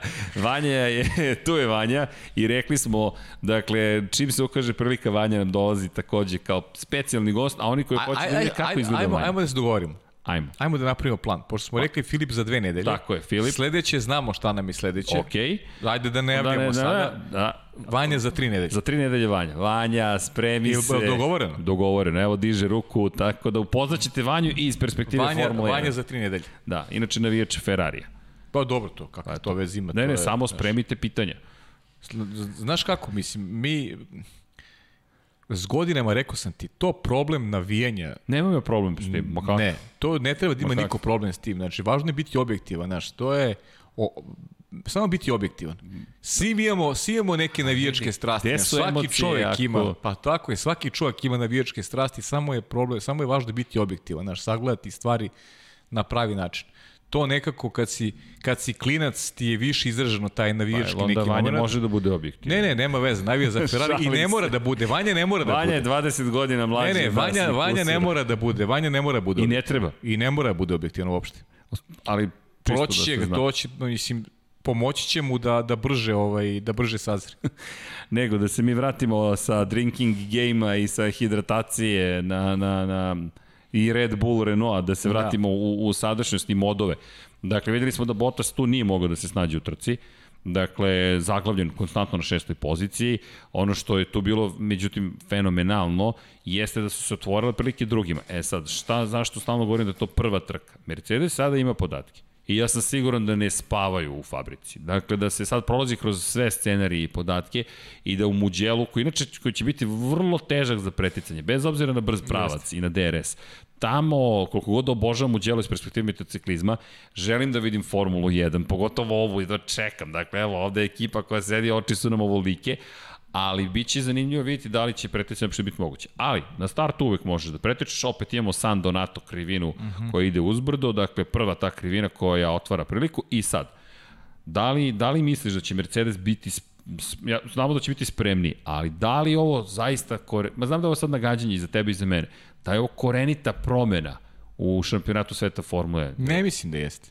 Ne mislim da jeste. Ovo je Ovo je nešto, ovo ovo je, ovo je jedna lepotica šampionata koju, ja, koju se niko nije nadao, znaš. Ovo je posledica mnogih stvari na stazi. Greške Mercedesa, dva izletanja, znaš, e, Kvarovi. Seti se, imali smo, imali smo slične priče iz početka godine u Austriji. Imali smo mi ove godine svaka trka koja je bila lepa... Druga trka u Silverstonu. Tako je, svaka trka Prva, koja je druga, bila druga. lepa je, je bila posledica nekih nepredviđenih okolnosti. Mercedes će biti opet dominantan i u Muđelu. Ukoliko ne bude nešto na stazi nepredviđeno, opet će oni imati apsolutno... Kad kaže Mercedes, e, ciljem na, na Luisa Hamiltona pre svega, znaš. Da teško, stvari ne mogu da se menjaju. Vidiš da i Red Bull gubi priključak. Ne može ni Max Verstappen to da prati. E, ali ja ti zanimljivo pitanje, da li očekuješ Red Bull da bude ponovo ovako loš? Red Bull je bio loš. Pa, dakle, Pavle, mi kad se vratimo ne oč, na ovu trku... Ne očekujem da budu, da budu bolji. Znači, ne, nemaju tu... Ne, ne mogu ali, da pratim. Ali odnosu na šta? Da li mogu da budu bolji odnosu na ovo što su Monci prikazali? Ako pogledaš kvalifikacije, Max je bio peti. Max je bio peti. Nešto je lepota ovog šampionata? Lepota ovog šampionata su, su, su timovi o kojima smo do juče pričali, neću reći sa pocenjivačkim stavom, nego smo pričali o tome kao da nemaju energiju, nemaju snagu da napreduju. Znaš. I to meni je draž 2020. Po kom, ja ću uvijek pamtiti od 2020. zbog McLarena, zbog Renaulta, zbog Racing Pointa, u sve te sve tu kontroverzu koju sve priča prati. Sve to deo Formula 1. Alfa Tauri, takođe. Alfa Tauri, sjajno. Dakle, ti timovi negde, ti timovi srednje, kad, Alfa Tauri, seti se pre početka sezone, pre početka šampionata, Alfa, Alfa Tauri smo negde stavili u ravan sa Alfa Romeo. Uh, napredak Alfa Taurija u predsezonskim testiranjima nije bio tako dobar uh, kao, što, kao što rezultati sada su kerišu. Alfa Tauri je mnogo napredovao, znaš. I ja po tome pamtim ovu godinu. I ta borba za treće mesto u konkurenciji konstruktora meni čini toliko onako srećnim i, i radojem se svakoj trci. Znam da je Mercedes negde u svom modu, negde na njih i ne gledam više, jer Jasno. oni su, apsolutno su vladari ove scene Formule 1 i bit će vladari vratno i naredne godine, ali te male borbe koje gledamo su fenomenalne. A to su velike zapravo borbe. Velike su borbe. Su velike borbe. Jer kad pogledaš podijunske pozicije ove godine, gde smo imali i Landa Norisa, gde smo imali pobednika Pjera Gaslija, uh, to Imaš je Carlosa Sainca Carlosa koji se vraća Sainca na pobedničko koji se vraća. E, a, Land, uh, Lensa Stroll, meni ali, je to sve e, fantastično. Ali Carlos Sainz, prvo pobedničko postolje nasledio posle trke. Dakle, to je tako, tako jedna isto romantična scena. McLaren koji je čekao od 2014. velike nagrade Australije, pobedničko postolje. Pazi, mi smo već zaboravili koliko je vremena bilo potrebno da se vrate na pobedničko postolje. Da. McLaren koji je imao Kevina Magnusena i Jensona Batona na toj prvoj trci, to posle kazne Daniela Ricarda, i ti čekaš i čekaš i čekaš i čekaš i pet godina kasnije ti nisi prošao kroz cilj kao treći, prolaziš kao četvrti. Luisa Hamiltonu kažnjavaju. I ti posle sa celom svojom ekipom se penješ na pobedničko postolje da proslaviš taj uspeh. Da. I to je McLaren koji jednom Mi smo na pobedničkom postolju. Prva trka sezone, Lando Norris na pobedničkom postolju. Dolazi Carlos Sainz, pobedničko postolje na osmoj trci sezone. Ali sada mi McLaren gledamo i kažemo čekaj, Ovde se sada već očekuju pobednička Jest. postolja. Šta je sledeće? rekao, šta je, šta je sledeće? Šta je sledeće? Znači, A poslednja sle, pobeda sledeće, sledeće 2012. Jenson Button. Poslednja trka sezone. Jeste, ali opet kažem, potrebno su neke nepredviđene okolnosti da Da, Mercedes da promovišu, da ili samog sebe, da, da. Pa Ali da. pogledaj problemi s Mercedes. Jer, jer znaš šta, Mercedes može da izbaci neki tehnički kvar, neka ovakva greška, jer i vozači jedan drugog ne mogu da eliminišu. Znači, to, ovde, ovde ne postoji, mi nemamo rivalstvo unutar Mercedesa, Mercedes. to je problem. Pa, Koji se pokvario. U svoj toj svoj brzini. Jeste. To, to, to je, to je ono što si lepo rekao, apropo ko, ko je zvezda. Mercedes se Mercedes je najmoćniji, najbrži, najbolji u krivinama, izgleda zastrašujuće, izgleda prelepo. Dakle, ovaj crni Mercedes Znaš šta je priča Mercedesa? To je, to je ona, ona Belgija. Belgija, gde sam ja? Ja ne znam kako sam tu, ja sad priznajem iskreno, kako sam tu trku izdržao radeći sam, zaista. Kad ti imaš u drugom krugu, trećem, poruku iz, iz, iz, iz tima, dogovorili smo se da nema napadanja u drugom, trećem krugu trke u kojoj Lewis Hamilton već ima prednost u neki 50 poena. O čemu pričamo mi? Mi pričamo o nekoj, o nekoj borbi koju može treba da usledi u trci. Apropo toga. To je, to je nešto što je zaista onako frustrirajuće za sve nas koji gledamo iz neutralnog ugla i tražimo borbu i tražimo nešto što što vraća veru u Oba, šampion. Pavle, zvoniš. Zvonim, da. Dešava se i najboljima. Jeste. Pozdrav za srđana. Tvoj imenjak. Tvoj Pozdravi imenjak. ga. Tvoj imenjak. Kap, pod kapicom nešto se sprema. Dobro.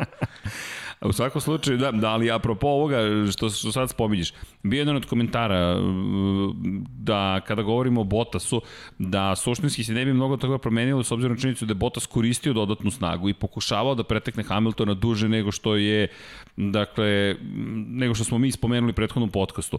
Ali ono što je poenta nije samo pitanje da li bi Bottas mogao da pobedi na stazi ili ne. Poenta je psihološkog efekta. Tako je. To je poenta. Zamislite sad, evo, evo sad situacija. Pavle i ja Bravo, radimo e, ti ja. i zove naš direktor i kaže ogasite mikrofon srđanu. A, pa, ali z, z, nismo se dogo... Pa, Bravo. Šta sad ja pa, treba da znaš pomislim? da sam, znaš da sam to htio da kažem. bukvalno. Mislim, teo sam sebe da stavim u te dobro, položaj, svako nema daš će veze. staviti Da. sebe, prosto Jeste. pristojni smo, ali sediš i kažeš, pa dobro, i sad tebi glava počinje da razmišlja, a šta sad to znači? A jesam ja nešto loše uradio? Tako jel je. Paja nešto dogovorio? Jel moj direktor protiv Jeste, mene? Jel sad jeste. Paju? A, zašto? Jel to znači da više ne Jeste. radim Formulu 1? A, pa šta ću ako ne radim Mnogo, Formulu? A ja mnogo to volim. pitanja, mnogo pitanja se je postaviš. A- a- a, a, a pritom si u sred A, posla. u, u sred posla. A u sred si posla. U našem slučaju sad komentarišemo. Nije ti to rekao, nije ti to rekao dok si ti na odmoru. Ne, Pa kao, naš, možda Ne, su- ne, nego ušao sam u kabinu. U I onda u kabini se uključi u režiju i kaže, ej, srđan, ugasi svoj mikrofon. Tako je. A, a, pa, pa, pa, pa, pa, šta sad to znači? Jeste. I sad ti moraš da razmišljaš tokom te trke, pa to nema više veze. A govorimo o sportu u kojoj milisekunde odlučuju. Dakle, Te- Tebi, tebi glava mora da bude znači, Savršena. non stop na, na, na, na, na, na, na hiljadu stepeni, da razmišljaš svako sledećem potezu, da, bude, da imaš mirnu glavu. Ti od starta nemaš, to je sad ono olakšavajuća okolnost, pošto ja znaš šta mislim generalno o Bottasu, ali mnogim olakšavajućih okolnosti, ta trka recimo u Belgiji je za mene, ajmo ljudi prekinite, nemojte da je vozite do kraja, ajmo da završimo tu agoniju, raspodelite pozicije, da mi koji gledamo, koji volimo to, nema potrebe da sedimo sat i po, zato što nemamo šta da gledamo. Je tako? Mi realno nemamo šta da gledamo. Ako ćemo da imamo trku Ali, koja će ići u istom... znaš šta imamo? Šta imamo? Pa ove bitke koje si E spomenuo. pa da, pa to je te, Imamo ove te, e bitke. pa zato ti kažem. Imamo ove bitke. Za, zato su te bitke e, e, čine, čine ovu sezonu toliko, toliko dramatičnom i toliko dobro. evo ti paralele. Mark Marquez u Moto Grand Prix, koji je dominantan. Da, to si pričao u prenosu. Da. tako je. Dakle, nije na stazi. Kod njega opet stice okolnosti povreda, vrlo ozbiljna. Nadamo se da će, priča se nešto, navodno da će se vratiti, ali djeluje da je sensacionalizam u Aragonu. Ruka mi ne deluje, nažalost, dobro. Držimo palče da se oporavi, to je jedino što je bitno. Ljudsko biće, naravno, ljudski život najvažniji. Ali u njegovom odsustvu, sve, se, opšta ludnica je nastala. Opšti, ne, ne mogu kažem haos, ali jeste haos iz te perspektive. Ali ti misliš, samo ti pitam nešto, ti misliš da je to dobro za MotoGP ili nije? Pa, e, d- A, staje po strani to što se čovjek povredio. Da li je dobro za MotoGP? Pa jeste. I ja mislim da je. Jeste ja dobro za MotoGP, jer znam koliko ljudi sa još većim nestrpljenjem čeka MotoGP. A, šta je, koja je velika razlika? Evo, evo ja prvi. znam, ja da, prvi. znam da... Prvi, ja prvi sada gledam. Pa ja prvi sada gledam. Zato što uh, ne volim ništa što je predvidivo. Znaš, A, ništa u životu ne volim što je predvidivo. A pazi sad tu, e, izvini samo, Moto Grand Prix koji je, zašto u poslednje vreme Moto Grand Prix sve više u centru pažnje?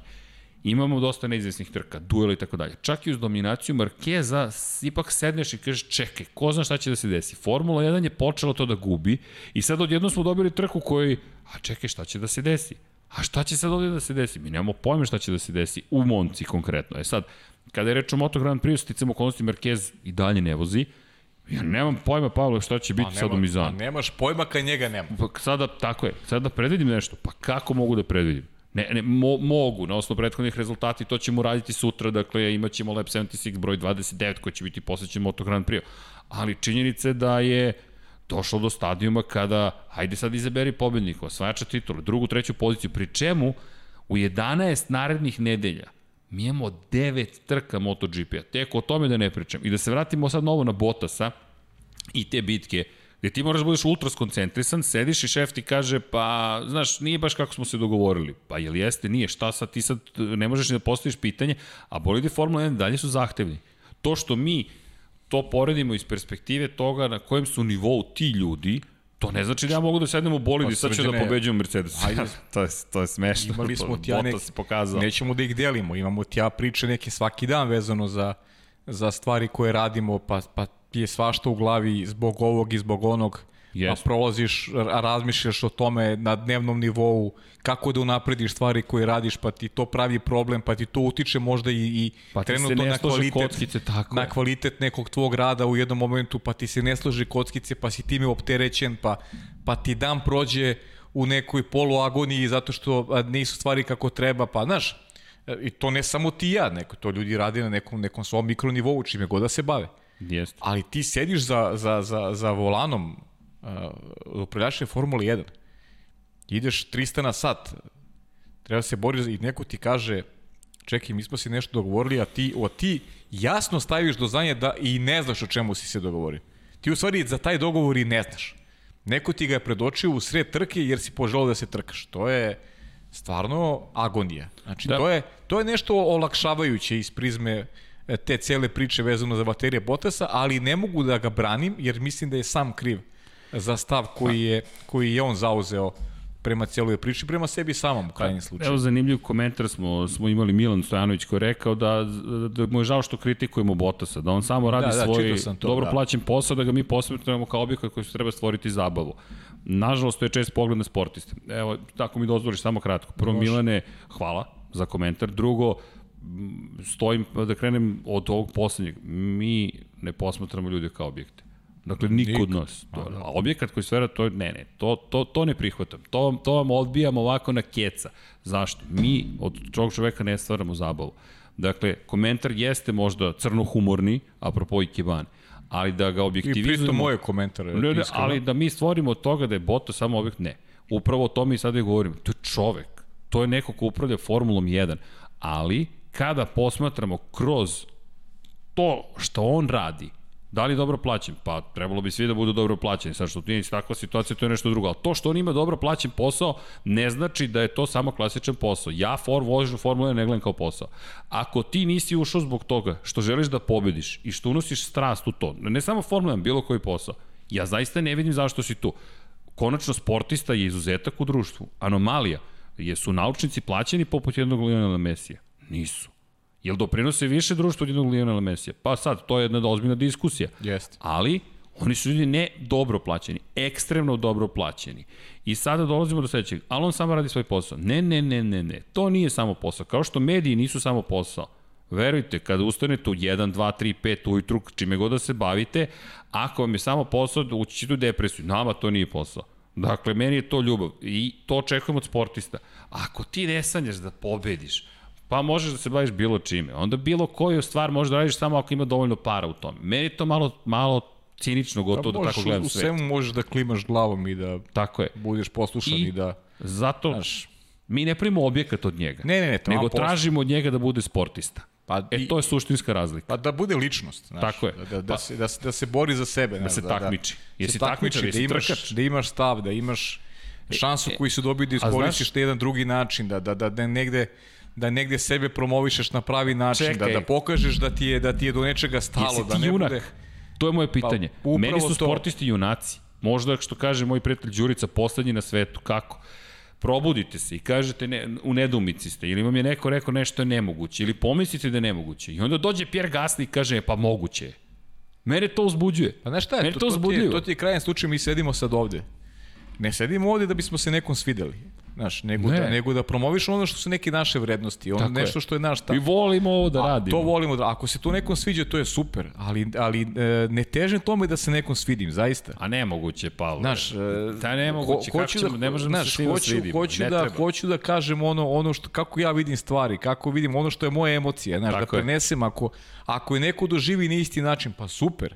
Ali ako je ne doživi, pa nikakav to je problem, super. ljudi, to idemo dalje, idemo, svako ima zato ja svoj kažem, pogled, znaš, na, meni- na, na ali ja sam priču. zahvalan. Dakle, i Milane, javite se, svi se javite, pa to je najlepša, Ne, najveća ja, ja, lepota. ja sam ti rekao, ja, ja generalno u životu prihvatam i pohvalu i kritiku na isti način, zaista. Znači, Samo da je nemam pristojna nikak, ali i nemam nikakav problem, znaš, ne, ne, e, kako bih ti rekao, e, ne prihvatim je s istim entuzijazmom, naravno, ali, ali, ali nemam problem sa tim, znači, razlika u mišljenju postoji i treba da postoji razlika u mišljenju. Tako je. Da bih ja bio sutra bolji, treba neko da mi skrene pažnje argumentovano da sam nešto pogrešio.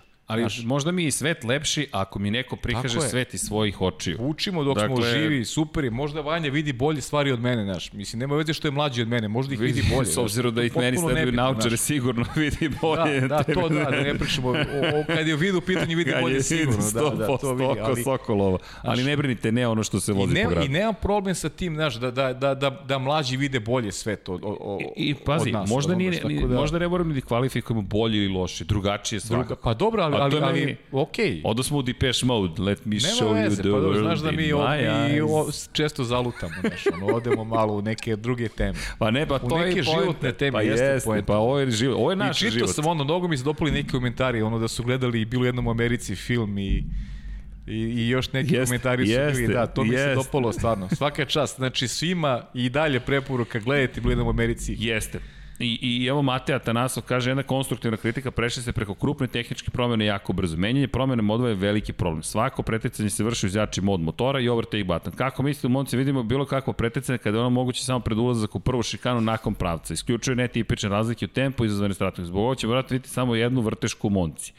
Mateja. Ma, Mateja. Mateja, Mate, e, doći Mate. sa nama da setneš za sto i nas dvojica smo nešto slično rekli. Kao što Da. vidiš vrteška, kakav je život vrteška, kako je pripremio. Ali zašto nismo toliko analizirali promjenu modova? E, nemoguće, za mene zaista nemoguće, Nemoguće. da stanem pri takvoj tehničkoj promjeni i kažem desit će se to, to, to i to. rano je, rano je Ne, ne mogu da znam, ne Rano znam pri čemu mi ne raspolažemo svim podacima. Neće nijedna ekipa nama da kaže, e, mi smo koristili taj mod, a mi smo koristili ovaj mod. Ili mi smo, jer šta je sad tu kompromis?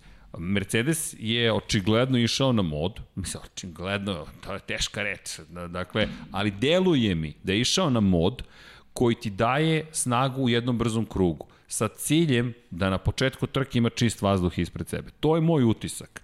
Međutim, taj mod, Slažem se. kada izgubiš pozicije, Slažem se. To si rekao i tokom Problem. trke, uh, iskreno, kada si to izjavio tokom trke, nisam baš bio siguran, ali sada sam siguran. Bio si potpuno pravo. Mislim da si dobro pročitao celu priču. tako mi deluje. I meni tako sada deluje isto. Kažem ti, tokom trge nisam razmišljao na taj način kao ti, ali sada, sada, sada delim mišljenje, apsolutno. I šta sad, Pavle? Da li će Mercedes reći, ok, mi idemo, i pri čemu je tek druga, druga trka sa, u novom tom sistemu? I isto tako, rano je za, za priču o tom. Možda sačekamo, možda Filip kad bude bio sa nama za, za, E, tad ćemo imati- za dve nedelje ćemo imati, da ćemo Imaćemo imati jasniju sliku, sebe. a imaćemo i Filipa koji će nam ovaj, Jeste. takođe u tom pogledu pomoći da analiziramo bolje stvari. I, I sad do čega dolazimo? Pazi sad ovo. Dolazimo u djelo. Da li Mercedes sada kaže, ok, naši simulatori, naši inženjeri kažu, ako promenimo mod i budemo pola sekunde sporiji po krugu u kvalifikacijama, imaćemo prednost u trci. Mi to, mi to, ja to ne znam, ne, Ne znam, znam, kako, ne kako znamo, funkcioniše, to je ultra kompleksan sistem, imate Jeste, 1400 zaposlenih. Ma da, ma da. To, to, to je fabrika, prava fabrika. I sad, zašto, zašto nismo toliko analizirali? Samo zbog toga. Jer smo čekali da vidimo šta će da se desi. Evo sad, sad pitanje, je li Red Bull u problemima? I, da li je? Jer ako pogledamo, Alfa Tauri je bio 10. i 11. u kvalifikacijama. Mi ne pričamo o moći Alfa Tauri u kvalifikacijama, već dobra strategija, inspirativni Pierre Gasly i splet okolnosti. Tako je. Ali Honda, da li je Honda izgubila više od ostalih? Ako pogledamo Ja najbolje da plasirana jeste. Honda, Max, meni delo da je izgubila. Ja isto mislim da je izgubila. A Renault kao da je dobio. Tako je. I sad, koliko to stvari otvori, imaš McLaren, imaš I deluje, Renault, da je, deluje čak i Racing Point da je dobio. Mercedes. Mercedes. A Racing Point koji je pre ove trke Pa pazi, i tempo za trku, sve je bilo katastrofa. Odjednom Racing Point nakon promene moda deluje mnogo bolje. Da. I, iz perspektive oba vozača. Jeste, jeste. Iskreno ti kažem, ja nisam očekivao da mogu Racing Point i da se bore za, za podijonske pozicije. Uopšte. Ali sve, sva su ta iskustva bila vezana za ono što smo gledali u Belgiji. I sad imali smo jednu trku u, u Monci nakon promene moda. Yes. Da sada širimo temu, mislim da je vrlo nezahvalno. Znaš, vrlo je Ovo nezahvalno su sad pretpostavke. mislim da, je, da, mislim da je čak pomalo i neozbiljno. A, Tako da bih se udržao i te kako komentara, sačekavamo u đelo, ali, pa ćemo polako da se, da se, da se bavimo. Ali su nam dali nešto novo. Dali su nam novo, jeste. Imamo neke naznake, imamo naznake da, da mogu stvari da budu interesantnije. Da, i inače opet nešto oko Botasa. Do, dobro, jesmo Može, malo oštri može. prema Botasu, ali... Ja pre svega, ljudi, nemojte ali- mnogo srđana, ja sam, ali- ja sam neko ko imam onako nekad malo i možda nekad malo i preteram, priznajem, ali prosto sam takav i to je, I to je ne, to. ne mogu da bežim To, od sebe, to, to je to, to da. smo mi, da, i opet se podsjećaju ljudi Ro- Rosberga i čestitaju Rosbergu na svemu što je učinio, ali da se... Zna- Znaš kakav sam bio prema Rosbergu, sećaš se? Obojica. Sad jedva tu- čekam i sad bih volao da se vrati. ali Rosberg uživa u svojoj penziji, zasluženoj Zaslužena penziji. penzija, da. Da, apropo, dakle, dakle do, i toga što se događalo u Bot, s Bottasom, meni je bilo poražavajuće s obzirom na to da znamo koliko moćan Mercedes. Međutim, eto, kao što smo rekli, možda modovi otvaraju neku slabost koju ranije nismo mogli da, tako jasno da vidimo. Međutim, spomenuo si i Racing Point, spomenuli smo i, i tu činjenicu da Honda deluje kao da je u nekim gubicima, ali da se dotaknemo teme koja, koja na, naravno da nas okupira, kao što uspeh Mercedesa okupira, tako i, evo, Ferrari je tu, Paolo je Ferrari, 13. 17. u, u kvalifikacijama. Od 1984. mi nismo imali situaciju u kojoj Ferrari nije među vodećih 10 u Monci. Da. To je 36. Tužan godina. sam, morati priznam.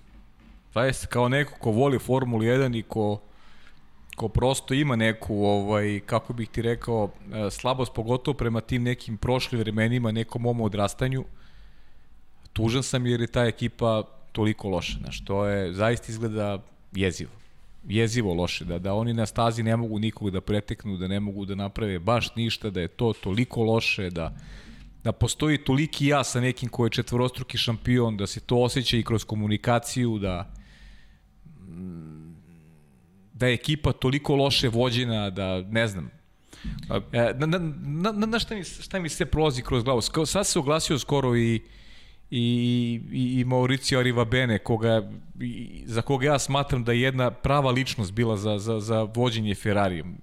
Sticam okolnosti, imam i neke, neke poznanike, neću reći prijatelje koji, koji su imali bliske kontakte sa Mauricijom i družili se. Znam koliko je stabilna, dobra, jaka ličnost, koliko je dobar čovek, znaš, koliko je neko ko je, koji je u tom smislu bio, bio, bio kvalitetan kadar. On je sada pričao o tome koliko je važna i ta situacija s Andy Cowellem, koga, koga pokušavaju da dovedu. Andy Cowell nije došao u Ferrari samo zbog toga što je tada Mauricio Rebene otišao iz Ferrari. Uh, on, o, o, Andy Cowell se vezao za Mauricija Rivabena, zato što zna kakav je kapacitet, zato što zna njegove radne sposobnosti. Andy Cowell je odustao od Ferrari onog momenta kada je Ferrari odustao od Mauricija Rivabene. Znaš. A, a, a, E, e, pardon, od Stefana Dominikalija, izvini, molim te. To- O Stefano Dominikalija, izvini, molim te, napravio sam lapsus. Pričamo Ne, ne, o Stefanu to- to- to- Dominikaliju sve vreme. Znači, Stefano Dominikali, Ferrari je, e, Andy Cowell je odustao od Ferrarija zbog odlaska Stefano Dominikalija. Jedna jaka ličnost, čovek koji je znao u kom pravcu treba da ide Ferrari. Pazi. Moment taj nije bio dobar za, za ekipu Ferrarija. Tražili su kozmetičke promene i kozmetičke promene su i dobili. Dobili su čoveka koji je A, izvini, samo, za oni koji eventualno ne znaju, Andy Cowell je čovjek koji je vodio koji je napustio Mercedes ove godine. Ove dakle, godine. Imali smo specijalnu emisiju, to jest jedna od tema emisije nam je bio odlazak Andy Cowell. Jeste. Analizirali smo celu postavku zapravo Mercedes. Ali srđene, pre dolaska u Mercedes, Stefano Dominikali je želo Andy Kaola o Ferrariju. I Ali- odlazak Stefana Dominika, Dominikalija je inicirao uh, Kaola da, o- da odustane od Ferrarija i pređe u Ali, Mercedes. da, a, ali d- šta sam htio da kažem? Za, zašto je nama Cowell toliko bitan? E, Mercedes, to je, to, to, to je nešto o čemu smo pričali, dakle, Zoran je pričao o tome, dakle, Mercedes, ka, Mercedes AMG, zapravo Petronas F1 ekipa je zvanični naziv. Dakle, to je kompanija za sebe. Imamo Mercedes AMG HPP, High Performance Power Trains, dakle, pogonske jedinice i sistemi pogonski visokih performansi. Dakle, to je treća kompanija i sad u treća u odnosu na Mercedes. Andy Cowell je bio taj koji je vodio, zapravo bio glavno komandujući u, u, u Mercedes AMG HPP u zadužen za razvoj pogonskih jedinica i menjača. I sada, to, to je inače kompanija koja, da, kao Formula i kao tim Formula 1 ima klijenta, međutim bavi se i generalno, dakle, vis, visokim performansama i pogonskim sistemima. Kaol je predvodio, dakle, tim koji je stvorio ovaj moćni hibridni pogonski sistem. Kaol stoji iza toga. Zašto ga spomenjamo? Čisto da napomenemo. I s čim se najviše mučio Ferrari na početku ove ere hibridne sa pogonskim jedinicama. Tako je. I kada su rešili svoje probleme, bili postali konkurentni prošle godine, kada su imali moćnu pogonsku jedinicu. Sad, što je vrlo implicitno jasno stavljeno do znanja da su radili nešto u sivoj zoni da bi dobili tu snagu, je nešto zašto plaća sada ozbiljnu cenu Ferrari. Jer Ferrari je kompletan bolid, ima tu još jedna stvar koju nismo spomenjali, je kad, gde su dali podršku Sebastianu Vettelu. Sebastian Vettel je šampion iz ere Red Bulla s početka prethodne decenije kada je stabilnost zadnjeg kraja bila kritična. I ako pogledamo uzpon zvezde Sebastijana Fetela, možemo da direktno povežemo sa dvostrukim difuzorom koji je prvi Brom primenio, pa onda Red Bull dalje razvio i sa tim RX sistemom gde je zadnji kraj bolida viši, prednji kraj niži i produvani difuzori koje zaboravio, tu imali smo hlad, hladno produvane difuzore, dakle šta to znači? Kada pustite gas, Oni su i dalje koristili motor sa unutrašnjim sagorevanjem, to se moglo čuti u krivinama, čuje se brum, brum, brum kako radi. Šta radi? Pustio sam gas. Zapravo je radio motor pojačano da bi povećao količinu izduvnih gasova koji idu ka difuzoru. Sve to doprinosilo stabilnosti zadnje kraje.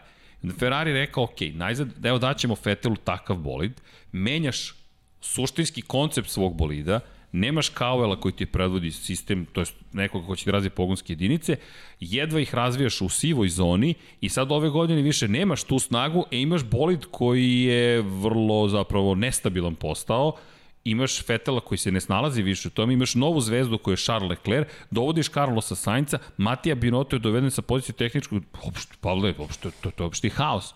Pa kako da bude iznenađenje 13. i 17. pozicija? I ovo sa Kaolem je fantastičar, vraćaš na, na neku genezu tamo još skoro pre 10 godina problema koje danas, koje, za koje danas plaćaju cenu. Pa da, i, i onaj odlazak Serhije Markionea, to je možda i ključna stavka, mada, mada sve ono što je on hteo, to se dogodilo. To se desilo. Da. I postavka Matije Binota i dolaska Leclera umesto Rejkonina, sve to on zagovarao. Ali je neko ko je ko je bio lider, znaš, neko kome su ljudi verovali, neko ko je bio u garaži od 0.24, neko koji je bolestan čak Radio. bio u garaži 0.24. Ne postoji u Ferrariju tako jaka ličnost kao što je bio Marchione i to je definitivno dakle to nedostaje nedostaje kao da nedostaje. su kao da su njegovim odlaskom kao da su se svi opustili kao da su verovali da će ta zaostavština nešto ta, ta, ta neka ta neka njegova ideologija nešto i on zamislio dovoljno je da samo sprovedu u delo to što je on zamislio, pa će sve doći samo od sebe. Znaš. E, to je e, problem ta, project managera čuvenih. E, e, ovo e, nije tu, software, ovo tako, su ljudi. E, bravo, to su ljudi, a očigledno da te stvari nisu funkcionisale kako treba i Ferrari doživljava to što doživljava, kažem, nažalost, svih nas koji volimo Formulu 1, nevezano da li Ferrari volite ili ne, iako Ferrari ima najveću bazu navijača, to, to nemam dilemu. Nekad e, možda delujemo svima vama i onako neprijatno s obzirom na komentare prema Ferrariju, ali mislim da su zaslužili apsolutno jer ovo je, pa, ovo je zaista nešto što je što nije vredno jedne takve ekipe, takvog budžeta, takve ali, znaš, istorije. Ovo je zašto meni smeta? Brutalno Izvini, loše. Zašto meni smeta? Ajde rezultati, ok. Me, ja nemam, nemam problem da, da pogrešiš. Nemam problem da kažeš hteo sam nešto. Ali imam problem sa, sa, sa nekoliko stvari. Zašto imam problem sa Bottasom? I zašto imam problem sada sa Ferrarijem? Utiska sam da im je sve jedno. Meni to smeta. Ravnodušnost, jer ako pogledaš, siguran sam da im ne smeta, ali, bilo im nadam se da im ne smeta, ali mi djeluje kao da je letargija potpuna. Kao da su digli ruke i rekli, ok, to je tako i, i, i tako će biti. Ili znaš kako, kako još izgleda, aj kao ta politika koju pričamo stalno, ti dogovori. Ok, progledat ćemo kroz prste što ste prošle godine po znacima navoda varali, ove godine ćete, neće vas biti nigde, pa i po sledeće godine ćemo ponovo da se igramo. Znaš, ovo je sve politika, naš politika ali, je, mnogo uzima maka znam, politika ali u sportu generalno. Zamisli da je Gasli pristupio tako svoj sudbini. I rekao, ok, evo, ja sam otpušten, ja sam sad vraćen u Alfa Toro Rosso, nema budućnosti za mene. Znaš, to je jedan... sam ruke, idem na plažu, je, jedan neću da treniram. stav. Ali ceo život si, ti si, on je, on je mlad čovek, ali je profesionalac, dugi niz godina se ovim bavi. To su ljudi. I sad, desilo ti se nešto krajnje poražavajuće, to nije neprijatno, to nije neprijatnost, ah, danas mi je bio ne, neprijatan dan, neko mi se obratio na pogrešan način ili sam doživio neku situaciju koja mi je ostavila gorčinu. Ne. Me, me, o, jedan od najvećih stresova koje čovjek može da živi u modernom dobu je otkaz. On je de facto dobio otkaz. Jeste. Pa, si... pa to je opet se vraćamo na, na, na, na, na onaj mikrosvet neki. To je kao sutra, evo radiš Formulu 10, nisi propustio trku, sad radiš samo DTM, nemate na Formuli. Kao, pa evo od sutra si na DTM-u, nemate na Formuli. Ili, ne, ili, ne, ne, radiš, ne radiš više Formulu, sad radiš samo DTM. Koliko god da voliš DTM. Koliko god da voliš DTM. Da se ne lažemo, znaš, DTM, DTM nije Formula 1. Nije, Formula, nije, nije ni blizu, znaš, nije, nije, nije ni blizu, pogotovo kako nema Mercedesa u, u pogotovo DTM nema nikoga više. Nema, nema nikoga više. I kažeš, ok, i sad ti kao treba da prihvatiš to ti sad na DTM-u, a nema Motivisano da dođeš i kažeš... Koji, koji je motiv? Treba da budeš stvarno, treba da budeš jak, na, treba da budeš me, u glavi e, to, jak. E, to meni nedostaje kod Ferrarija. Ja bih volao da vidim Binota, pa makar da glumi za kamere da, da se iznervira, da da oštru izjavu. Izjave su pa budite strpljivi sa nama, evo samo što nije, tako da. Samisli bilo koga od evo Franc Tost. Ajde da se evo, da se vratimo na to. Pričamo o nacijama. Francuska koja najzad ima pobednika. Nekako kad pogledam, znaš bez koga nema pobede u Formuli 1? Bez Austrijanaca. da. Toto. Wolf je Austrijanac koji vodi Mercedes AMG. Yes. Franz Tost je Austrijanac koji vodi Alfa Tauri. Red Bull je austrijska ekipa, da, Britanac ju predvodi, ali to je austrijski tim. I ako ti pogledaš bez Austrijanaca, ako hoćeš uspeh na angaže Austrijance, Niki Lauda, Austrijanac. Gerhard Berger. Gerhard Berger. dakle, nije to, Austrijanci se ne svode samo na Dieter Matešić zbog Red Bulla. I, i, i na skijanje. Ne, I na skijanje. ne, i na skijanje, ne, ne. U, kad sam poslednji put ozbiljno pratio skijanje, Herminator je još skijao. pa da, je Marcel Hirscher sada posljedno Dobro, sada da, ali, ali, da, ali da. Da, i njega više nema i to je prošlost. Da, da, da dobro, ja sam, ja sam pisao, ja sam zimski olimpijski igre u Naganu pratio. Daš, kad je sad malo bilo? u, u Jaglijen termin da, da, sektor, da, da, da, mada i on voli ovaj naš sektor, tako da okej. Okay. Pa ta, ta, brzina je to. Rekao sam ti, sećaš se kad je ono, kad je Sena poginuo, mi ja zbog smo gledali zajedno tu trku. Okej, okay, za četiri nedelje Igor Jagličić. Može. Može, Realno. bravo. Može, Realno, bravo. Igor Jagličić. Bravo, odlična ideja. Igor je naš prijatelj, ljubav, jedna stara. O jeste, odlična ideja, bravo. I baš Igor, da se postavimo. Jaglija, može, ima, može, ima bravo, šta da za mesec dana ima, ima, da, voli. On je, on je baš... Pravi je.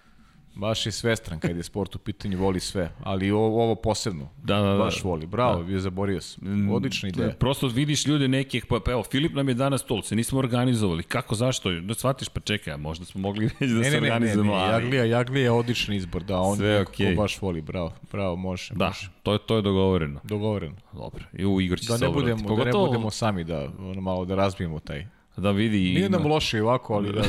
Dobro, lepo se ti ja ispričamo. Da, nismo se dugo videli, cela dva dana. Nismo, da.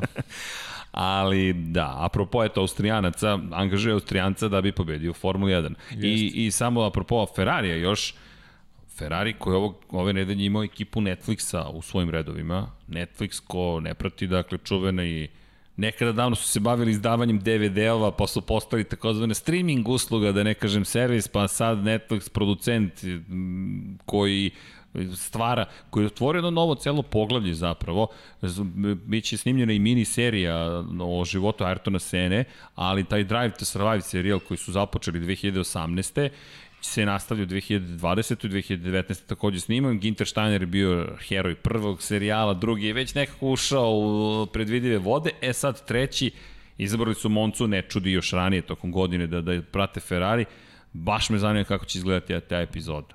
Baš me zanima kako će izgledati ta epizoda.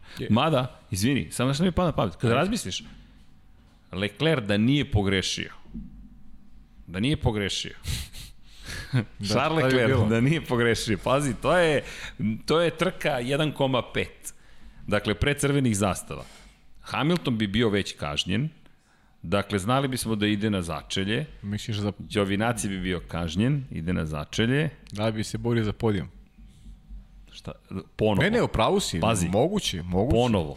Znaš, Ponovo uz nekih pet okolnosti, da, da, da moguće. Znaš, moguće. To, to, to isto da ne zaboravimo. Koliko se, da, koliko je teško za preticanje, ne, naravno, palo mi to na pamet, još tokom trke. Znaš, Šta, Pa mislim- Sam mislim da je bio na pobjedičkom postoju Monci sada u ovoj situaciji. Ali to su to, to, to je taj splet okolnosti koji, koji donosi trka. To, mislim, trka je živa stvar, nikad ne znaš šta može se dogodi, znaš.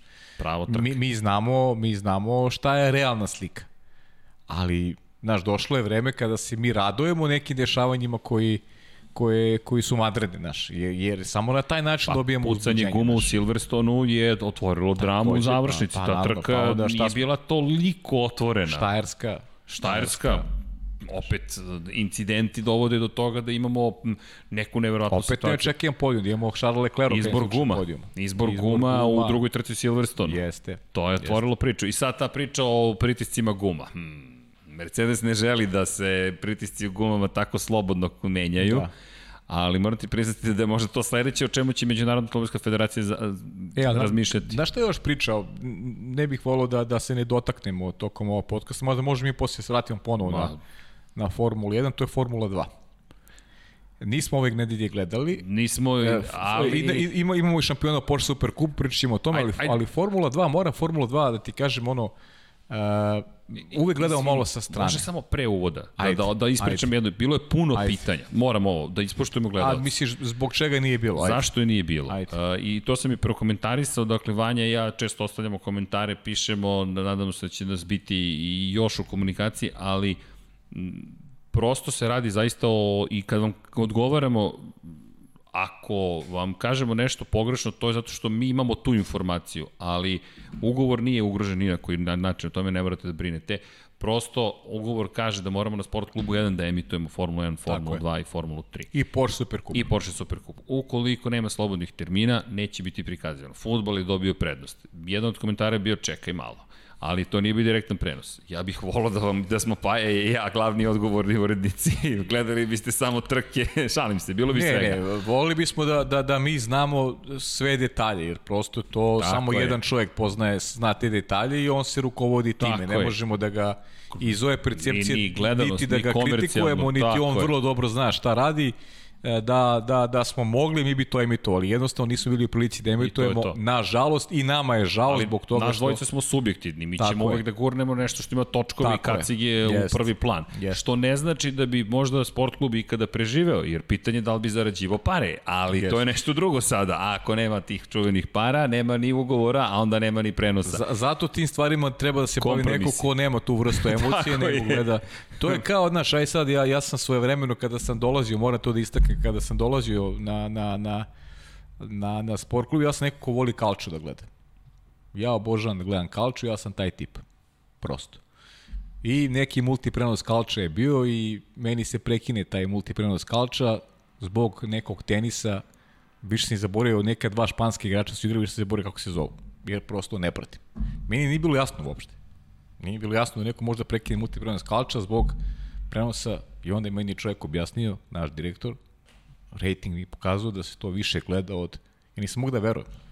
Meni, moj mozak nije mogu da prihvati da se više gleda neki tenis koji igraju španski igrači, koji lupaju s onim po 3 sata u odnosu na Da, kalče. ne, tako, ipak ali, je to ozbiljno. Ne, ne, okej, okay, ali je, pa pazi, ali, ali to je, znaš, to je stvar, Razumem emociju. percepcija gledanja, znaš. Emocije, emocije, emocije. Ja, ja bi to gledao emotivno, znaš. Sve te razumem. Ali to se ne gleda tako.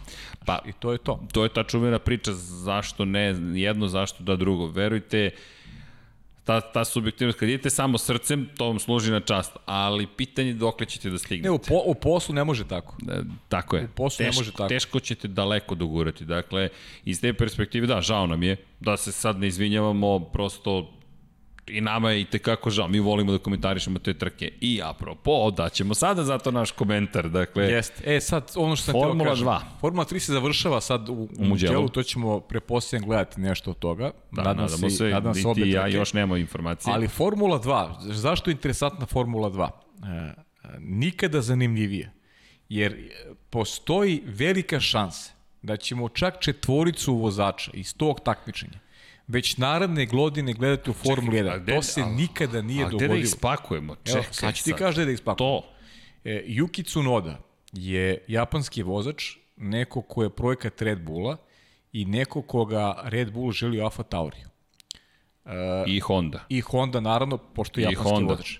Šta je, o- šta je, šta je priča? Yuki Tsunoda mora da završi među četiri najbolje vozača u generalnom plasmanu Formule 2 da bi dobio automatski licencu.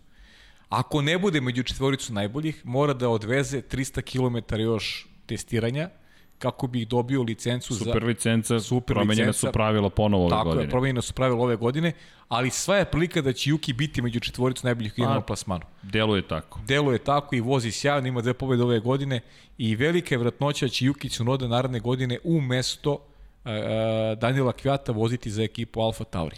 To je velika šansa. Šta se dalje dešava? Uh, Haas. Po svemu sudeći Haas ostaje bez obojice vozača. Niko Hulkeberg po tvrdnjama autosporta i to uh, nemačke verzije autosporta je već napravio dogovor sa Haasom. Tu bismo naredne godine, prema rečima baš Nika Hulkenberga, trebali da gledamo Mika Schumachera. Mik Schumacher koji je projekat Ferrarija, koji u drugom delu sezone vozi fantastično. Dakle, zaista ima Pobjeda i sjajne treće mesto. rezultate. Mik Schumacher je sada već kandidat za osvajanje šampionske titule Jeste. u, u Šest pojena 2. samo zaostaje za Kalumom Majlotom. Kyle Majluton, sjajna trka. E, kad smo kod Kyle Majluta, Uh, najvelika je vjerojatnoća će Alfa Romeo promeniti oba vozača naredne godine, da neće Kimi Rekonen sva prilike ide u penziju, Antonio Giovinazzi nije iskoristio na pravi, na pravi način šansu koju, Ferrari, koju mu je Ferrari ukazao, ali Ferrari u svojoj akademiji ima još dvojicu vozača koji su zaista super talenti, to su Kyle Majlot i Robert Schwarzman, koji bi po tim tvrdnjama trebali da zauzmu mjesto Alfa Romeo. Dakle, to su četvorica vozača iz Formule 2, kojima se smeši posao u Formuli 1. Srđane, to se nikada nije dogodilo da četvorica vozača iz Formule 2 mogu u Formuli 1. A sva četvorica su kandidati za titulu u Formuli 2. Da, da, to baš hoću da kažem, dakle, trenutno stanje, Ajlot prvi, 149 pojena, Mik Schumacher drugi, 143 pojena, 140 Robert Schwarzman, Yuki Tsunoda 123. Imamo još 8 trka, Osam trka. četiri trkačke vikenda, Mugello, dakle, dve trke, već sad ovog Dva vikenda. puta Bahrein. D- Soči posle bravo, i dva puta Bahrein. Dva puta Bahrein. Pri čemu onaj Bahrein, onaj, onaj, Onaj- onaj, onaj, krug. ispod- ispod sekunde, krug. ispod Čekaj, sekunde. to je zanimljivo. Rekli smo Šakir tamo, Mercedes će to sve da počisti sad. Čekaj, ko će šta da počisti sada ukoliko su da modovi da. promenili. Da, ali da se vrat, da ostanemo na Formuli 2. Dakle, Cunoda, zaostaje. Pazi, ni Christian Lundgaard nije tako daleko. Sedam pojena iza Cunode, međutim, ono što deluje kao da bi Cunoda mogao da zadrži. Mada je, mada je Lundgaard bio zaista dobar. Pa da, danas je sjajan, rekli smo već sin nekadašnjeg evropskog reli šampiona iz 2000. Jest. godine, da, to ima onako te, te, Pa te, sve su trkači. pravi trkači. Da, Lundgar je zaista sjajan, ali, ali ova četvorka se negde odvoja. Lundgar je propustio neke šanse, imao je par loših vikenda, a Cunoda poslije vreme. A, Znaš šta je važno? Cunoda dve pobede ima ove godine. Cunoda, Cunoda, Cunoda, Schwarzman, Schumacher su onako u uzlaznoj liniji forme. A Ajlot je neko standardno počet godine, ali Ajlot ima neke propuste u poslije vreme. Ali Ajlot je ide sjajan. ovako otprilike. Ide, ide, da, tako, ali, ali je tako. isto sjajan vozač i, i neko koga Ferrari mnogo veruje u budućnosti. Ali ajde da, da, da ne bežimo od očigledne teme. Mik Schumacher, sin Mihaela Schumachera, Yes. sedmostrukog svetskog šampiona, čovjek koji ima 91 pobedu, tema o kojoj ćemo pričati. Dakle, kada govorimo o neki navijači Ferrarija se raduju što nije 90. pobeda pala Luisa Hamiltona u pala u Monci, Monci, pa u da. Mugello neće pasti. Ali 91.. zato Mick slavi u Monci. Ali i Mik slavi u Monci, koji je deo mlade akademije, trkačke akademije Ferrarijeve. I da se vratimo na Mika Schumachera. Mik Schumacher, dakle sin Mihaela Schumachera, u Haas Ferrariju sledeće godine, ali šta bih volio da istaknem, kako su izgledale njegove sezone u poslednjih četiri godine. 2017. u premiji i to u Evropskoj formuli 3, 12. pozicija u šampionatu.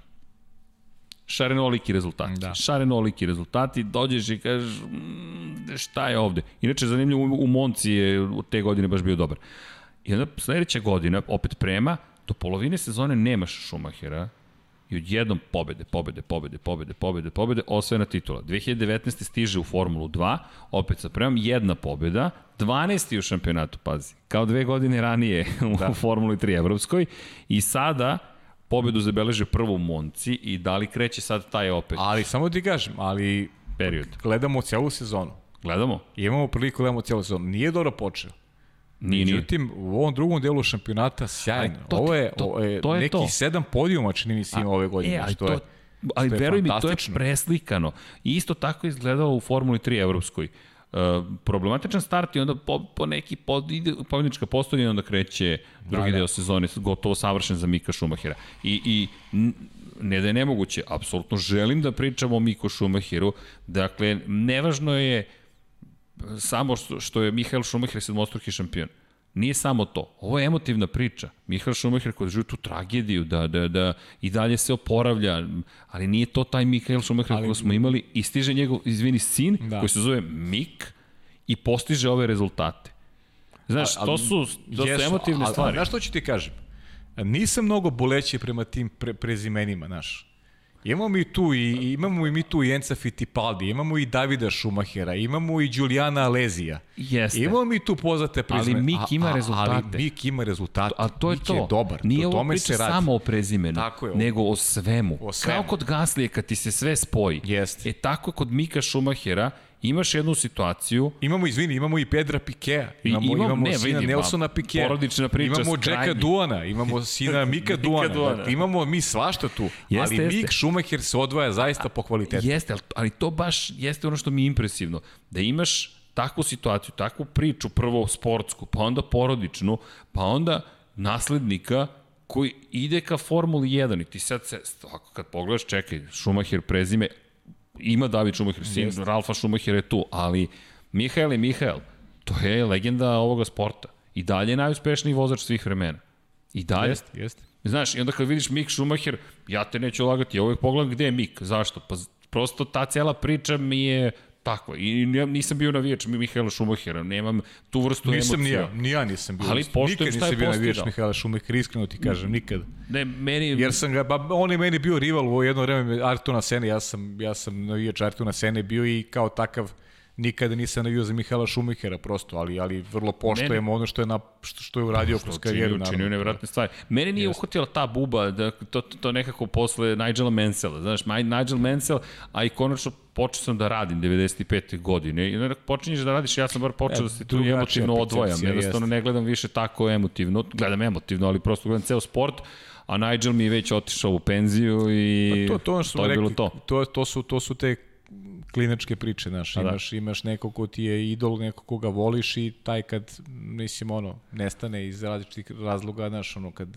ono, nestane sa scene, ti više tu nemaš neku vrstu navijačke strasti, nego prosto gledaš hladne glave, što, što je dobro. Vanja je taj koji sada navija, znaš, da. mi, mi gledamo to malo drugačije. Njegov san je Lewis Hamilton u Ferrari. To mu je san. Da, ja sam to mislio da ja sam mislio da to predvidivo, znaš, da će to da se ostvari, ali nešto sad poslije Mislim da Hamilton gleda da su... u Ferrari i kaže ne. Pa kao Sainz što gleda ne, u Ferrari i kaže... Znaš ka, ali znaš kada to može da se dogodi, znaš, kad, 2023. kad, postane, kad postane osmostruki šampion i nadmaši rekorde Mihala Šumahera, zašto ne onda u Ferrari? Ja, mogu nešto ti kažem, sad kad si to izgovorio, prvi put prvi put i ovo je potpuno iracionalno, nemam nikakvu osnovu za ovo. Kada Dobro. si izgovorio da će osvojiti osmu titulu, prvi put da mislim da neće osvojiti. Iako Zaista. ne vidim da će ga iko, da, ko bi mogao da ga zaustavi, ali ovo ti sad krajnje iracionalno. Da ja verujem da Neki će... osjećaj, kao da, ja... da će osvojiti sedam i da, da sledeće godine neće biti tako savršena kao što izgleda. Ja bih volao da ne bude iz percepcije sporta naš, ali ja negde mislim da ćemo na kraju 2021. imati upravo tu situaciju, osam meni, titula Luisa Hamiltona. Mislim, da, sve jedno mi je, zaista. Samo da. I meni, je... ne, i meni je, kako bi ti rekao, mislim, ono, ne, stvarno nemam odnos prema tome, znaš, čoveku, postigao je sve što je postigao. Prosto gledam ono što je realna slika formule i, znaš, ti smanjeni budžeti i sve ostalo se, što se dešava za 2021. Očekujem prave istinske promene od 2022. godine koliko će biti realne, to je pitanje, da li možda će se opet Mercedes pozicionirati kao najbolja ekipa, to se nikad ne zna, ali, ali ne očekujem da će nešto drastično promeniti 2021. Ja, ali znaš šta nismo spomenuli? Formula 2, dakle, samo da konstatujemo, Ailot, da. Schumacher, Schwartzman, Cunoda. Da. I da, znaš šta mi je prošlo kroz glavu? Kaži. Pobjedničko postolje, kako je izgledalo? I svi su bili dušeni, čak i Toto Wolff rekao lepo vidjeti ove mlade ljude gore na pobjedničkom postolju. Bez obzira što nije imao svog predstavnika, imao je u eventualnu vidu Lensa Strola, ali mi smo došli do stadijuma da, da, da, da su novi klinci definitivno stigli. Znali smo da su tu. Max Verstappen svakako, dobro, on je toliko mlad, počeo da se takmiči sa 18 godina. Pa Charles Leclerc, Pa dođeš u situaciju da kažeš, ok, to su te rogacije. Lando Norris se popeo na pobjedičko postoje, Carlos Sainz tamo sve češće, i sada imamo Pjera Gaslija, opet sve češće, imamo Lensa Strola i sad ako dođu četiri vozača iz Formule 2, pogledaj koliko je podmlađena Formula 1.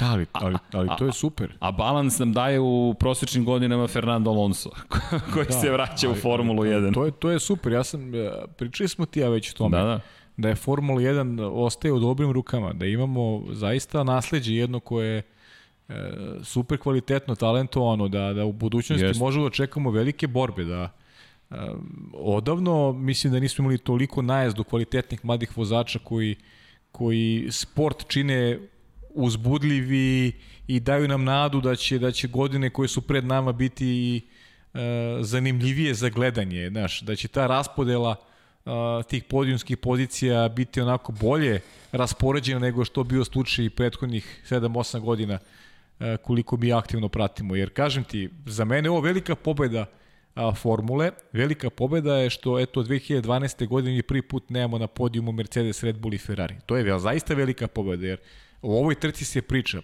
Pogledaj koliko su mi vremena posvetili posvetili Kako? trci, koliko su bili zadovoljni, puni emocija, puni neke energije, ja znam u kakvom sam stanju bio, a kako sam se osjećao posle trke, kao kao da sam ubrizgo neku, neku, ne znam, ono, kao neka injekciju da mi neko ubrizgo i kao da sam se osjećao jedno sedam puta bolje nego što, nego što to bio objektivno stanje. Pa to je ta lepota sporta, sediš i kažeš sebi, čekaj, to je taj dan. Dan u kojem, Jest. ne da uživam, nego dan koji pamtim. To je razlog zašto zašto ustaješ, bez obzira na doba noći, kao gledalac i kao komentator i kao bilo ko ko, ko voli taj sport, ko se bavi tim sportom.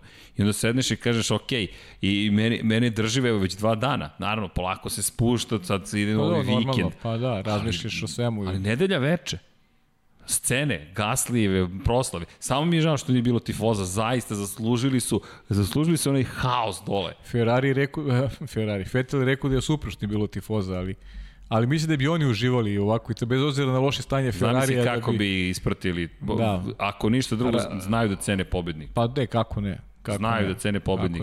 I to je ta priča koju i gospodin to, Živko to, pričao. To, to, to je ono što Gasiju nedostaje recimo u celoj priči. Prva pobeda da nije da. imao ko da isprati naš, da, da, da, ga, da, da ga pozdravi u celoj priči. E, ali ako pogledaš, Sainz kad se pobeo, popeo na pobedničko postolje, bio na, drugom, na trećem mestu bez ikoga, pa evo ga sad na drugom mestu, Gasli, znaš, da, da, negde će dobiti možda, možda najbolju u Francuskoj naredne godine, to bi bilo lepo da vidimo. Da, dakle, moguće, moguće. kad je već Faenci doneo te, te pobedu na domaćem terenu, onda i sebi da donese, koliko gotovo zvučalo, gotovo nemoguće. Ali kada smo kod Francuza, Alpina. E, Alpina, Alpina. bravo, bravo, to smo, to smo zaboravili. Alpina, Alpina. Renault, da, to Čekaj. malo sam, malo sam bio iznenađen, mogu ti reći ovaj, tom vešću, ali... Alpina? Ne znam šta to znači, da li to znači da će se Renault malo više okrenuti Formuli E pa, u neko, nekim narednim godinama. Moj utisak je da će kao robna marka Renault ići ka Formuli E. Vrlo jednostavno. I to je neko, Luke Smith je inače dao dobar komentar na motorsport.com, ali to smo već rekli u prenosu. Alpina je sportska robna marka. Alpina dugo nije postojala. To je to je prosto za nas malo starije nešto što se pamti. Sećamo se Alpine. Sećamo se ove nove koje izbačene pre par godina. Ali Alpina u ovom novom svetu kao sportska robna marka i čini mi se da se kristališe polako šta će postati Formula 1. Mesto gde promovišeš sportske robne marke. I to je lepo dodao Smith. Dakle, rekao je da je iz njegove perspektive to što Renault radi sa Alpinom kao ono što radio Enzo Ferrari sa svojim, da zapravo automobilima. Jer koja je pojenta Enzo Ferrari bila? Enzo Ferrari nije hteo da se bavi automobilima samim po sebi, već je hteo da se trka. Da. I da bi podržao svoje trkačke ambicije, morao da počne da prodaje automobile. I sad imamo Ferrari koji umeđu vremenu postao nešto sinonim za Formula 1, za trke, za sportske automobile i Renault činjenicu 2020. dosta kasnije, u nekom možda na manje romantičnom vremenu, ide na Alpinu. Ali meni će to biti super, dakle sledeće godine eto Alpina. Fernando Alonso u Alpini zajedno sa Estebanom Okonom. Da, biće, biće, biće interesantno. Jedno čekaj da vidim to kako će. I onda sutra treba kupiš Alpiru i kažeš čekaj, ko vozi u Alpinu? Fernando? O, pa to je zanimljivo. Tako da za Renault to je zanimljiv potez i njihovo restrukturiranje i sve što su učinili. I pričali smo u trećem treningu, zapravo nego što je saopšteno, Dakle, navijači su već retvitovali, twitovali, čekaj, da je to bilo kako pre treći trening Jeste, jeste, kvalifikacije. Ali ne, oni su saopštili to, ali već dan ranije je izašlo da je imenovan Cyril Abitebul za čoveka koji će predvoditi robnu marku Alpina i ceo program Alpine. I ti onda sediš i kažeš, čekaj, prvo Abitobula daju mu ozbiljnu poziciju, to, to znači da su zadovoljni, moj, moj utisak implicitno, da implicira da su zadovoljni što se trenutno događa u Formuli 1. Drugo, da time što ga stavljaju na poziciju Alpine, da će se desiti vjerojatno promjena, to se dešava i deluje mi kao da dugoročno možemo da računamo na Renault. Ne samo zahvaljujući Concordu, Jer nije dovoljno samo potpisati Concord, pa, uvijek možete prodati ekipu. A naravno, pa to je to. Nikad ne znaš pravička struktura kakva može da bude. Ti, ti samo si kupio mesto tu, a ko će da rukovodi pa, ekipom, i to koliko će ozbiljno da se pristupi tako programu, to tako priori ne znači ništa, ali... Deluje Concord ugovor je samo garancija da će, da će, da će neko biti tu. da će neko biti tu. Bravo. Ili će platiti tako. cenu koja je toliko visoka da bolje da ostane tu. Jeste, Tako da će biti tu. Zato kažem iz percepcije Hasa da ono, biće tu, Biće tu. ali Kako? Kako e, vidi. ko, to je pa veliko zamisli pitanje. Mick Schumachera ako uđe u Haas, zaista. Pa pogledaj samo ko je njegov glavni sponsor. Šta je bio jedan od većih problema nemačkih vozača u poslednje vreme? Pa nije baš da su se sponzori Pa ja pre pojavili svega ne znam, ne znam kako razmišlja Gene Haas pre svega. Mene, mene to malo onako, negde me i nervira nešto što, što Gene Haas nema više aktivnu ulogu u medijima, koliko je bio pričljiv i razgovorljiv u ono vreme kad je ušao u Formulu 1, toliko je sada nestao.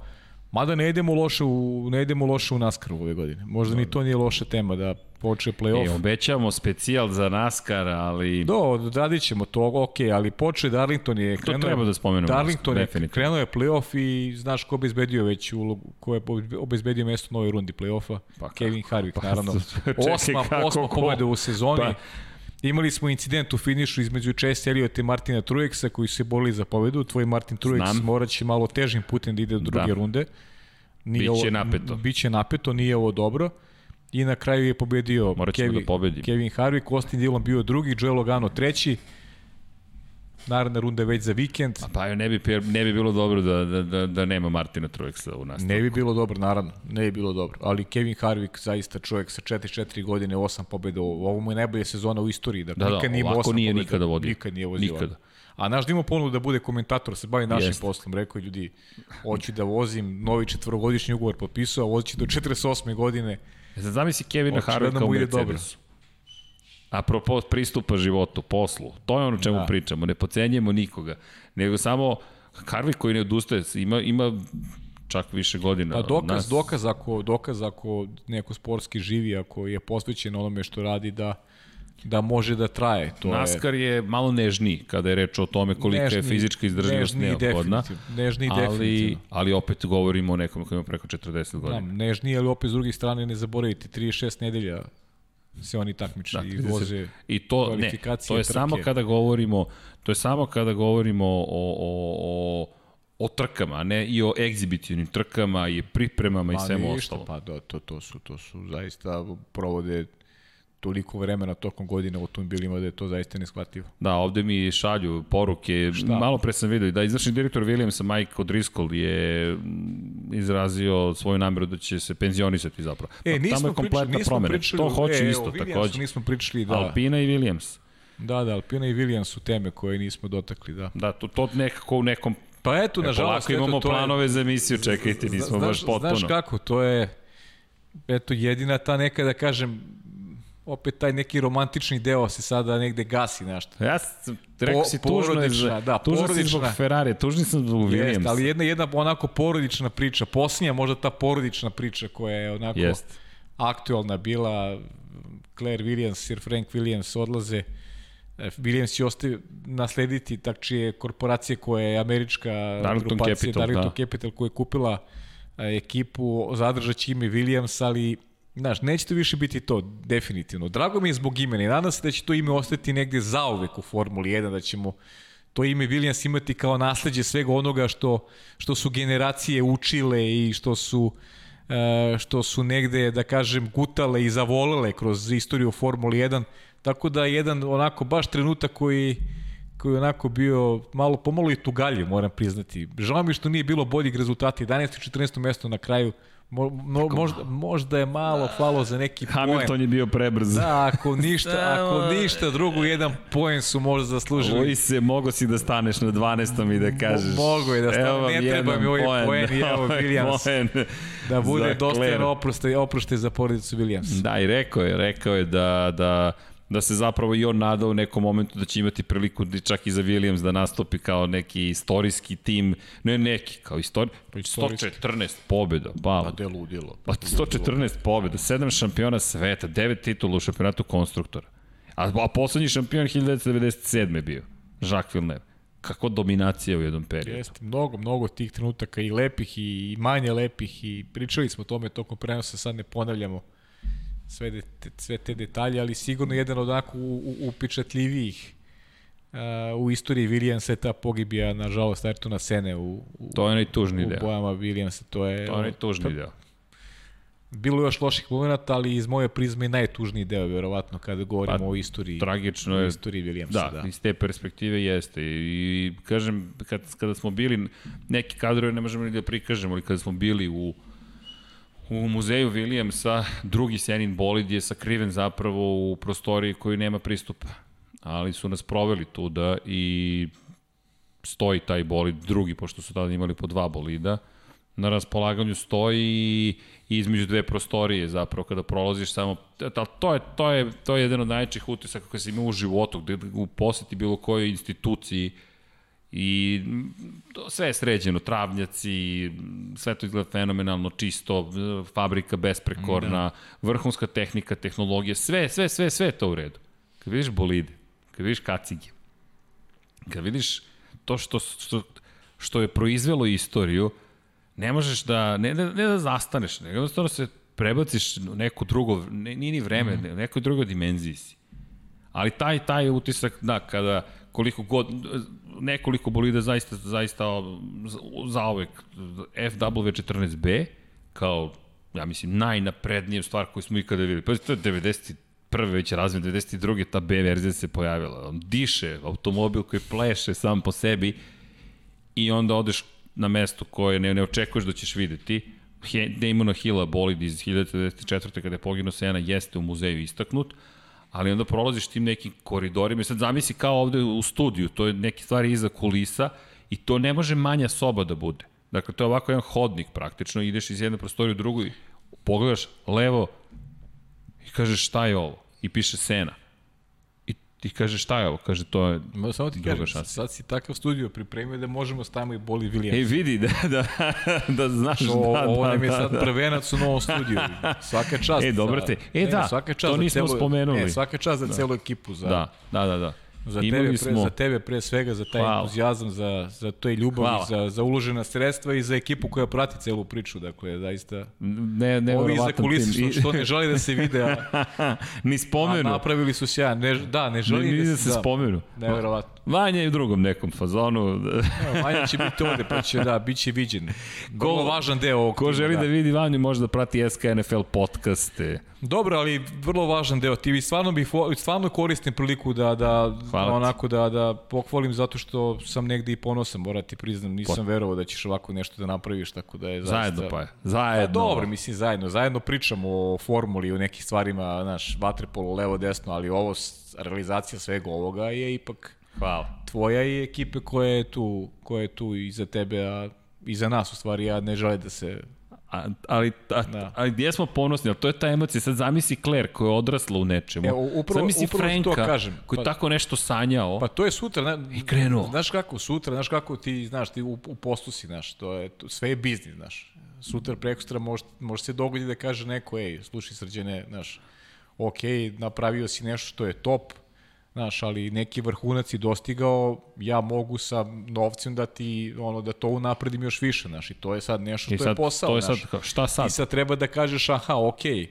okej, imam negde ljubav s jedne strane, ali postoji nešto što što se zove i, znaš, što se zove i novac, da ti ne možeš da pariraš u nekim situacijama, hoće napraviš iskorak, a nisi u stanju da ga napraviš. I onda ti prosto mora da razmišljaš posao, mora da skloniš emocije sa strane. To je, to je pa, nešto što je logično. To je razumeš? porodica Williams na kraju i radila. Prosto je morala to da uradi. Mo- morala, a da bi Morala opstao da tim, više, već je to sad postalo, mi možete da budete neki tim koji je stalno tu, ali Jeste.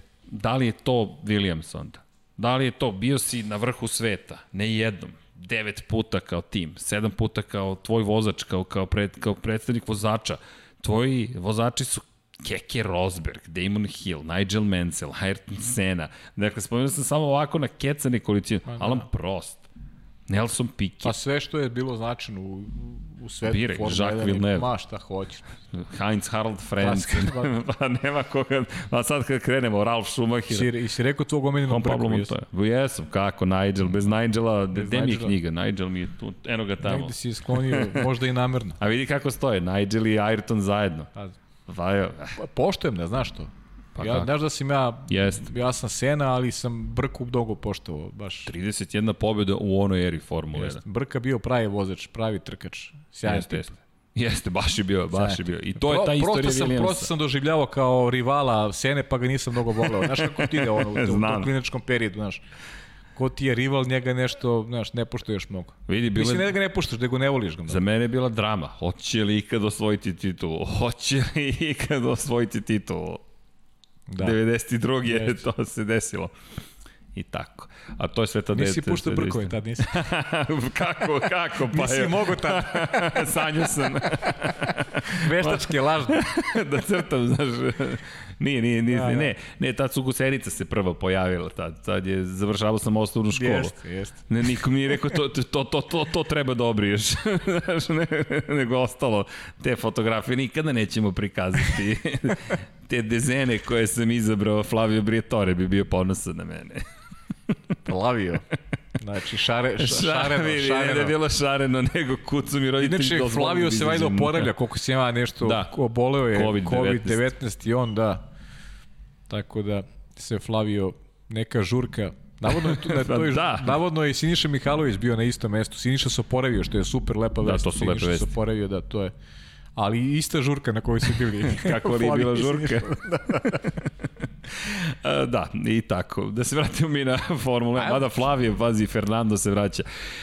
Pavle, sad nam dolazi velika nagrada Toskane. Ajmo da. samo da najavimo, to je velika trka, hiljadita trka za Ferrari, bez obzira na uslov kojima se nalaze, pričat ćemo o tome, istorija je, to je istorija. Govorimo o hiljadu trka, najpopularnije ekipe, ekipe koja je pa i svojim padovima definisala Formulu 1. Taj raspon od Jordija Šektera do Mihaela Šumahira, usponi, padovi, problemi, sve što, što Ferrari nikog ne ostavlja ravnodušnim, to je sigurno i dolazimo na stazu koja pripada Ferrari i prvi put u istoriji se vozi trka Formula 1 u Mugello. Znaš kako ja gledam na, na Ferrari? To ti je kao, zamisli MotoGP bez Valentina Rosija. E, to ti je, gledaš Formulu 1 bez Ferrarija. Što je, znači, ja, ja mislim da Formula, Ali... Formula 1 bez Ferrarija bez Ferrarija to je nešto nezamislivo. Mislim, e, Evo, svi potvrđuju, da, dakle, samo ovako glave da, da, mašu. Znaš, to, to, je, to je kultna ekipa, to je ekipa Jest. za koju, koju najviš, najveći procenat ljudi u svetu navija, voli, identifikuje se sa njom. Znaš, da ne pričam italijanima koji, koji su ono Ferrari doživljaju kao božanstvo i, i znaš, neka taj kritički stav koji imaju često ide na uštrbe ekipe, zato što stalno traže najviše, stalno traže najbolje. Znaš, nikad se ne navija za vozača u Ferrari u Italiji, nego se navija za Ferrari. Nije bitno ko vozi za Ferrari, navija, navija se za Ferrari. I, I mislim da su taj kult koji imaju Italijani je preuzet u celom svetu. Znaš, da, da ljudi širom sveta ne navijaju za za, za vozače, nego navijaju za sve one koji su deo Ferrarija, znaš, to je, to je nešto što je, što je postao kult. I pričali smo o tom istorijatu i taj moment kada Enzo Ferrari ima velike probleme finansijske, pa Fiat preuzima a, turističke automobile, e, tu prave veliki promet, prave pare e, koje pomažu i da da kažem da taj trkački deo razvija na način na koji je na koji on želeo jer Enzo ima velike probleme svoje vremeno zbog pogibija italijanskih vozača, mora da plaća ogromne globe familijama, e, finansijski više nije bio potentan da nastavi e, taj projekat koji on zamislio i onda je Fiat tu uskočio kao kao proizvođač koji je koji je pomagao Ferrari da opstane. I kažem preuzeo izgradnju turističkog automobila i ta veza Fiata i Ferrarija postoji već eto, sijaset godina i, i to je dobra jedna poslovna saradnja koja, koja traje i dan danas, a eto kad smo kod Ferrari hiti trke, e, moram da istaknem i taj, taj, ta, ta, ta porodično to nasledđe koji ima Enzo Ferrari, ta porodična priča koja je vrlo interesantna, ja verujem da mnogi poklonici Formule 1 znaju, Enzo Ferrari je praktično imao, imao dva braka. U stvari, jedan legalan i jedan koji je bio tajan, koji je dugo godina bio vođen u tajnosti, dok nije supruga saznala, on imao uh, sina iz vanbračne veze.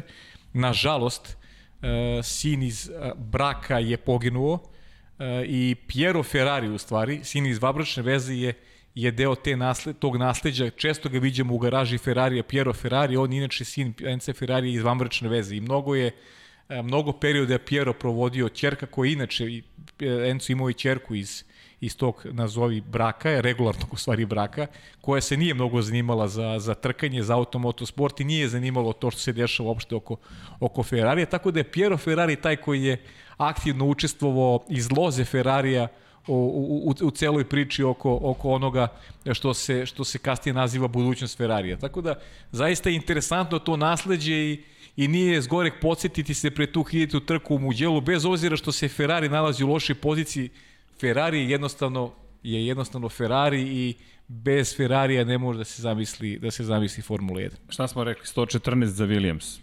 Da. Pobeda. Ajmo da, kada govorimo o ne samo Ferrariju, spomenuli smo Hamiltona, onako ovlaš već spomenjem, 89 pobjede ima jedan čovek, čisto da to ne zaborim. 91 pobedu ima jedan drugi čovek, to su neverovatne stvari i onda dolazimo do Ferrarija, koji ne samo što ima 16 titula šampiona, šampiona konstruktora, 15 puta su u konkurenciji vozača osvajali titule, 237 pobjeda ukupno. Dakle, to je skoro 250 pobjeda. Mi pričamo o, o jednoj van serijskoj ekipi. Zaista Jeste. pričamo o jednoj posebnoj ekipi i emotivno i kada posmatramo iz perspektive onoga što su postigli u šampionatu i još jedna važna napomena. Nikad nisu odustali od Formule 1 kao što Formula 1 sada ne odustaje od Ferrarija, takođe Ferrari nikad nije odustao. Potrebni su jedni drugim. Tako je. I vezane, povezani su. Mercedes je dolazio i odlazio. Dakle, Mercedes koliko god da je sada deo te Formule 1, Ferrari Jeste. je uvek, uvek praktično uvek bio, bio tu. Da. I to je ono što je, što je važno iz perspektive Ferrari. Mnogi timovi su nastajali, evo, Williams došao, prošao, McLaren došao, nije još prošao, što je sjajno. Jeste. Ali činjenica je da je Ferrari uvek bio tu. I to nije bitno za koga navijete. Kada pogledate Ferrari, to je istorija. Zašto prosto je nemoguće napraviti tako poređenje u Moto Grand Prix-u? Valentino Rossi je čovek. Dakle, pa stari. da, jeste, čovek je, ali, ali I naš... koliko god je privuko pažnje, privuko mnogo ne postoji pažnje. pandan Ferrarija u Moto Grand Prix. Ne, ne, ne, ne postoji ne pandan, postoji. ali ti kažem, ja sad pričam nekom aktivnom trenutku, znaš, da, da. pričamo nečemu što, ali, kako, Ali MotoGP to nema. Gledaju, znaš, nema, nema. Ne, nema. ne postoji. Ducati je možda najbliži tome. To, to, to istorijsko nasleđe, to istorijsko nasleđe nema, definitivno. Nema niko. I to ne samo, kažem, kada je italijansko tlo, nego širom sveta pričamo Reps. Ja pričamo, pričamo o ovoj prostoriji samo ovde, pa, razumeš? Da, da ne pričamo o dalje. Znaš koliko ljudi znam koji koji kad me sretno pitaju šta je sa Ferrari, znaš, to je to je to je pitanje. Pa, Ferrari je pitanje, znaš, nije ništa drugo, znaš. To je... Repsol Honda je velik tim, na primjer. Ali ne budite emocije. Dakle, ne budite emocije. Koliko god bila velika Honda i koliko god ljudi navijali za Hondu, ne postoji taj moment. A Ducati s druge strane nije 70 godina u šampionatu. Nije od početka u šampionatu. Jest, Došao je 2003. I sjajno je što je tu, ali Ferrari je od uvek tu. Tako da za Ferrari velika trka, da li će biti teško? Pa biće. Pa biće teško, Šta sad? nema dilema. Biće. biće teško, ali eto, biće Pričat ćemo i nas dvojica o tom nekom istorijskom značaju, spremaju i neke, da kažem... Posebne boje. Posebne boje, Jest. da.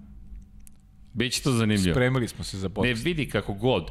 Ja mislim da ne treba ni očekivati rezultat za tu trku. To je trka ne, na Ferrarijevoj stazi, naravno. planski je Mugello tu postavljen, dakle da se ne lažemo. Tako SF je. 1000 je oznaka za bolid, SF Scuderia Ferrari 1000 i to trka, to je trka koja iz perspektive takmičarskog dakle, dela, ne znamo šta će se događati, ne znamo koje modove će ko šta, ko će kako postaviti i zašto, ali je činjenica da će Ferrari biti taj koji će dakle, biti Slušaj, ko, ko, koliko god da su, koliko zvezda. god da su loši, oni će biti zvezde u, Jest. u tokom vikenda i, i adekvatno ćemo im posvetiti pažnju s obzirom da su apsolutno zaslužili zbog tog istorijskog značaja koji imaju i svega onoga što Ferrari predstavlja, kažem, ne samo u okviru Italije, već na nivou čitave planete.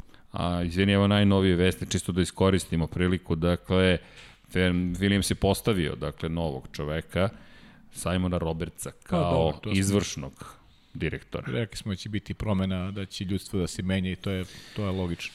Kada već govorimo o istoriji, šaljemo Dobro. i ovu emisiju broj 28 lagano u istoriju. Dakle, Ide polako, pa dobro, da. okej. Dotakli smo se, mislim, svih se tema, dotakli. jesmo, a? Pa mi bismo mogli još mnogo toga da pokrijemo, ali činjenica je da, čekaj, Drinking Games je nastaje, Vanja, gde smo? O, dva sata, pa, znaš da je prošli put bio jedan od komentara, podcast kraću dva Znaš sata. kako, prošli, da, prošli put ja sam stvarno baš bio umoran, nisam mogao više. Ali bili smo znaš, efikasni. Bili smo dobri, da, Tuf, tuf, tuf. efikasni, da.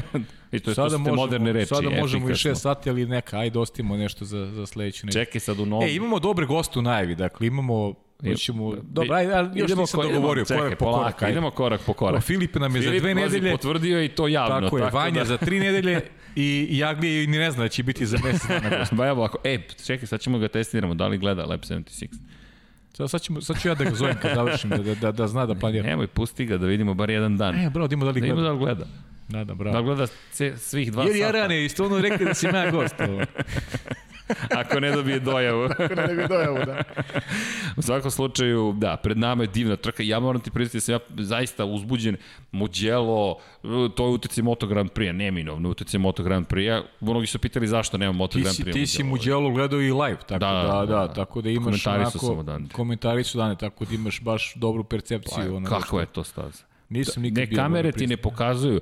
Ne, jednostavno, to je ono što je, što je, što je, što, kod televizije, televizija mnogo toga vam omogući, ali Pa dobro, taj nije, osjećaj A sređenje nije isto, znaš, to je... kad ideš, Ja imam, ja imam problem sa hokejem, znaš, to je... o, to je druga, da. Hokej, ko nije nikad gledao uživo, znaš, ne, ne, nema tu percepciju. Z zašto je to ti kolektivni sportova Pa. za mene broj jedan, jer to je, znaš, uživo je to nešto neverovatno. To je eksplozija.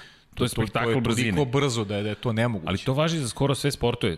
Ma jedan od, ne znam ko je, jedan od pisaca išao na Wimbledon da gleda tenis uživo. I, on, I stalno se pitao u čemu je problem, zašto su bitni ovi sad teniseri, kada, kada je otišao prvi put video brzinu loptice i koja je to munjevitost reakcije, rekao, ok, tek sada mogu da cenim tenis na taj način. Isto važi i za Formula 1 i za Moto Grand Prix. Često ta pitanja za koga navijam, ne navijam i tako dalje kada prvi put stanete samo u krivinu, pogotovo u Muđelu, Kazanova se veli, pa jo, to, to je spuštanje, to, to je ono, Da, da, to sa, sa krova pričao, se da. spuštaju. Bukvalno sa krova se spuštaju i tu daju već pun gas, dodaju na, na, na, na izlasku iz krivine karabijatama 1 i 2 tamo gore. Što bi rekao Dule Janković na metli kad se spuste. Na meti kad se spuste. Dole Janković koji obožava, da, da, kako se iz- izvuko dole. Pa setim ga se, po to, te metle se E, setim. on obožava Istanbul. Znaš da mi on Da, pričao da, za Istanbul, za osmu krivinu, kaže, seo sam srđan, ovako gledam, jer kad, kad je tamo krenulo da puca, sve u osmoj krivini, kaže, to je to, jedva Da, čekam. ipak su motori njegovi, to je njegov fah. Jeste. U svakom slučaju, pa evo, šta da ti kažem, spremamo se, hvala ti još jednom. Pa mislim, na čemu? Ne, ne znam ja, ali kulturni smo. A to kao, zahvaljujem što se ono reda radi. Aj, dobro, dobro. Da, pred nama velika nagrada Toskane, eto i to će biti prvi put u istoriji. Nadamo se jedini, iskreno, bez obzira da li će Mugello biti ponovo u kalendaru, ali nadamo se jedini s obzirom na činjenicu, to implicira da ćemo ostaviti COVID u prošlosti, koliko god trenutno zvučalo to nemoguće. I naravno, družimo se u Lab 76, nadam se sledeće nedelje u broju 30, a 29. će biti posvećen Moto Grand Prix. Ko ti je? Šta, s kim si sutra? Imaš neku predstavu? E, još e, se... Vagaš, vagaš pa nije, vagaš zdravstveno ponude. stanje trenutno utiče da, dosta dobro, na rasporedu u dobro, studiju, ali dobro. držim palčeve da, da će biti neki, dragi ljudi, zdravi, ali vidjet ćemo. U svakom slučaju, da, nemam, nemam odgovor na to pitanje. Dobro, ajde. to je onako, e, kako bih ti rekao... Spontano, spontano. Tako je.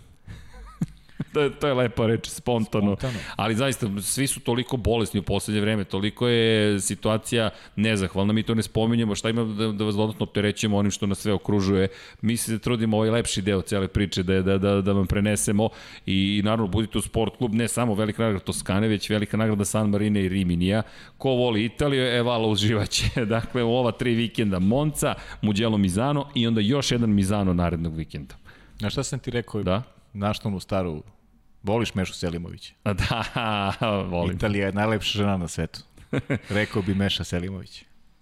Ja mislim da su ovo adekvatne reči za kraj. Lep 76 broj 28.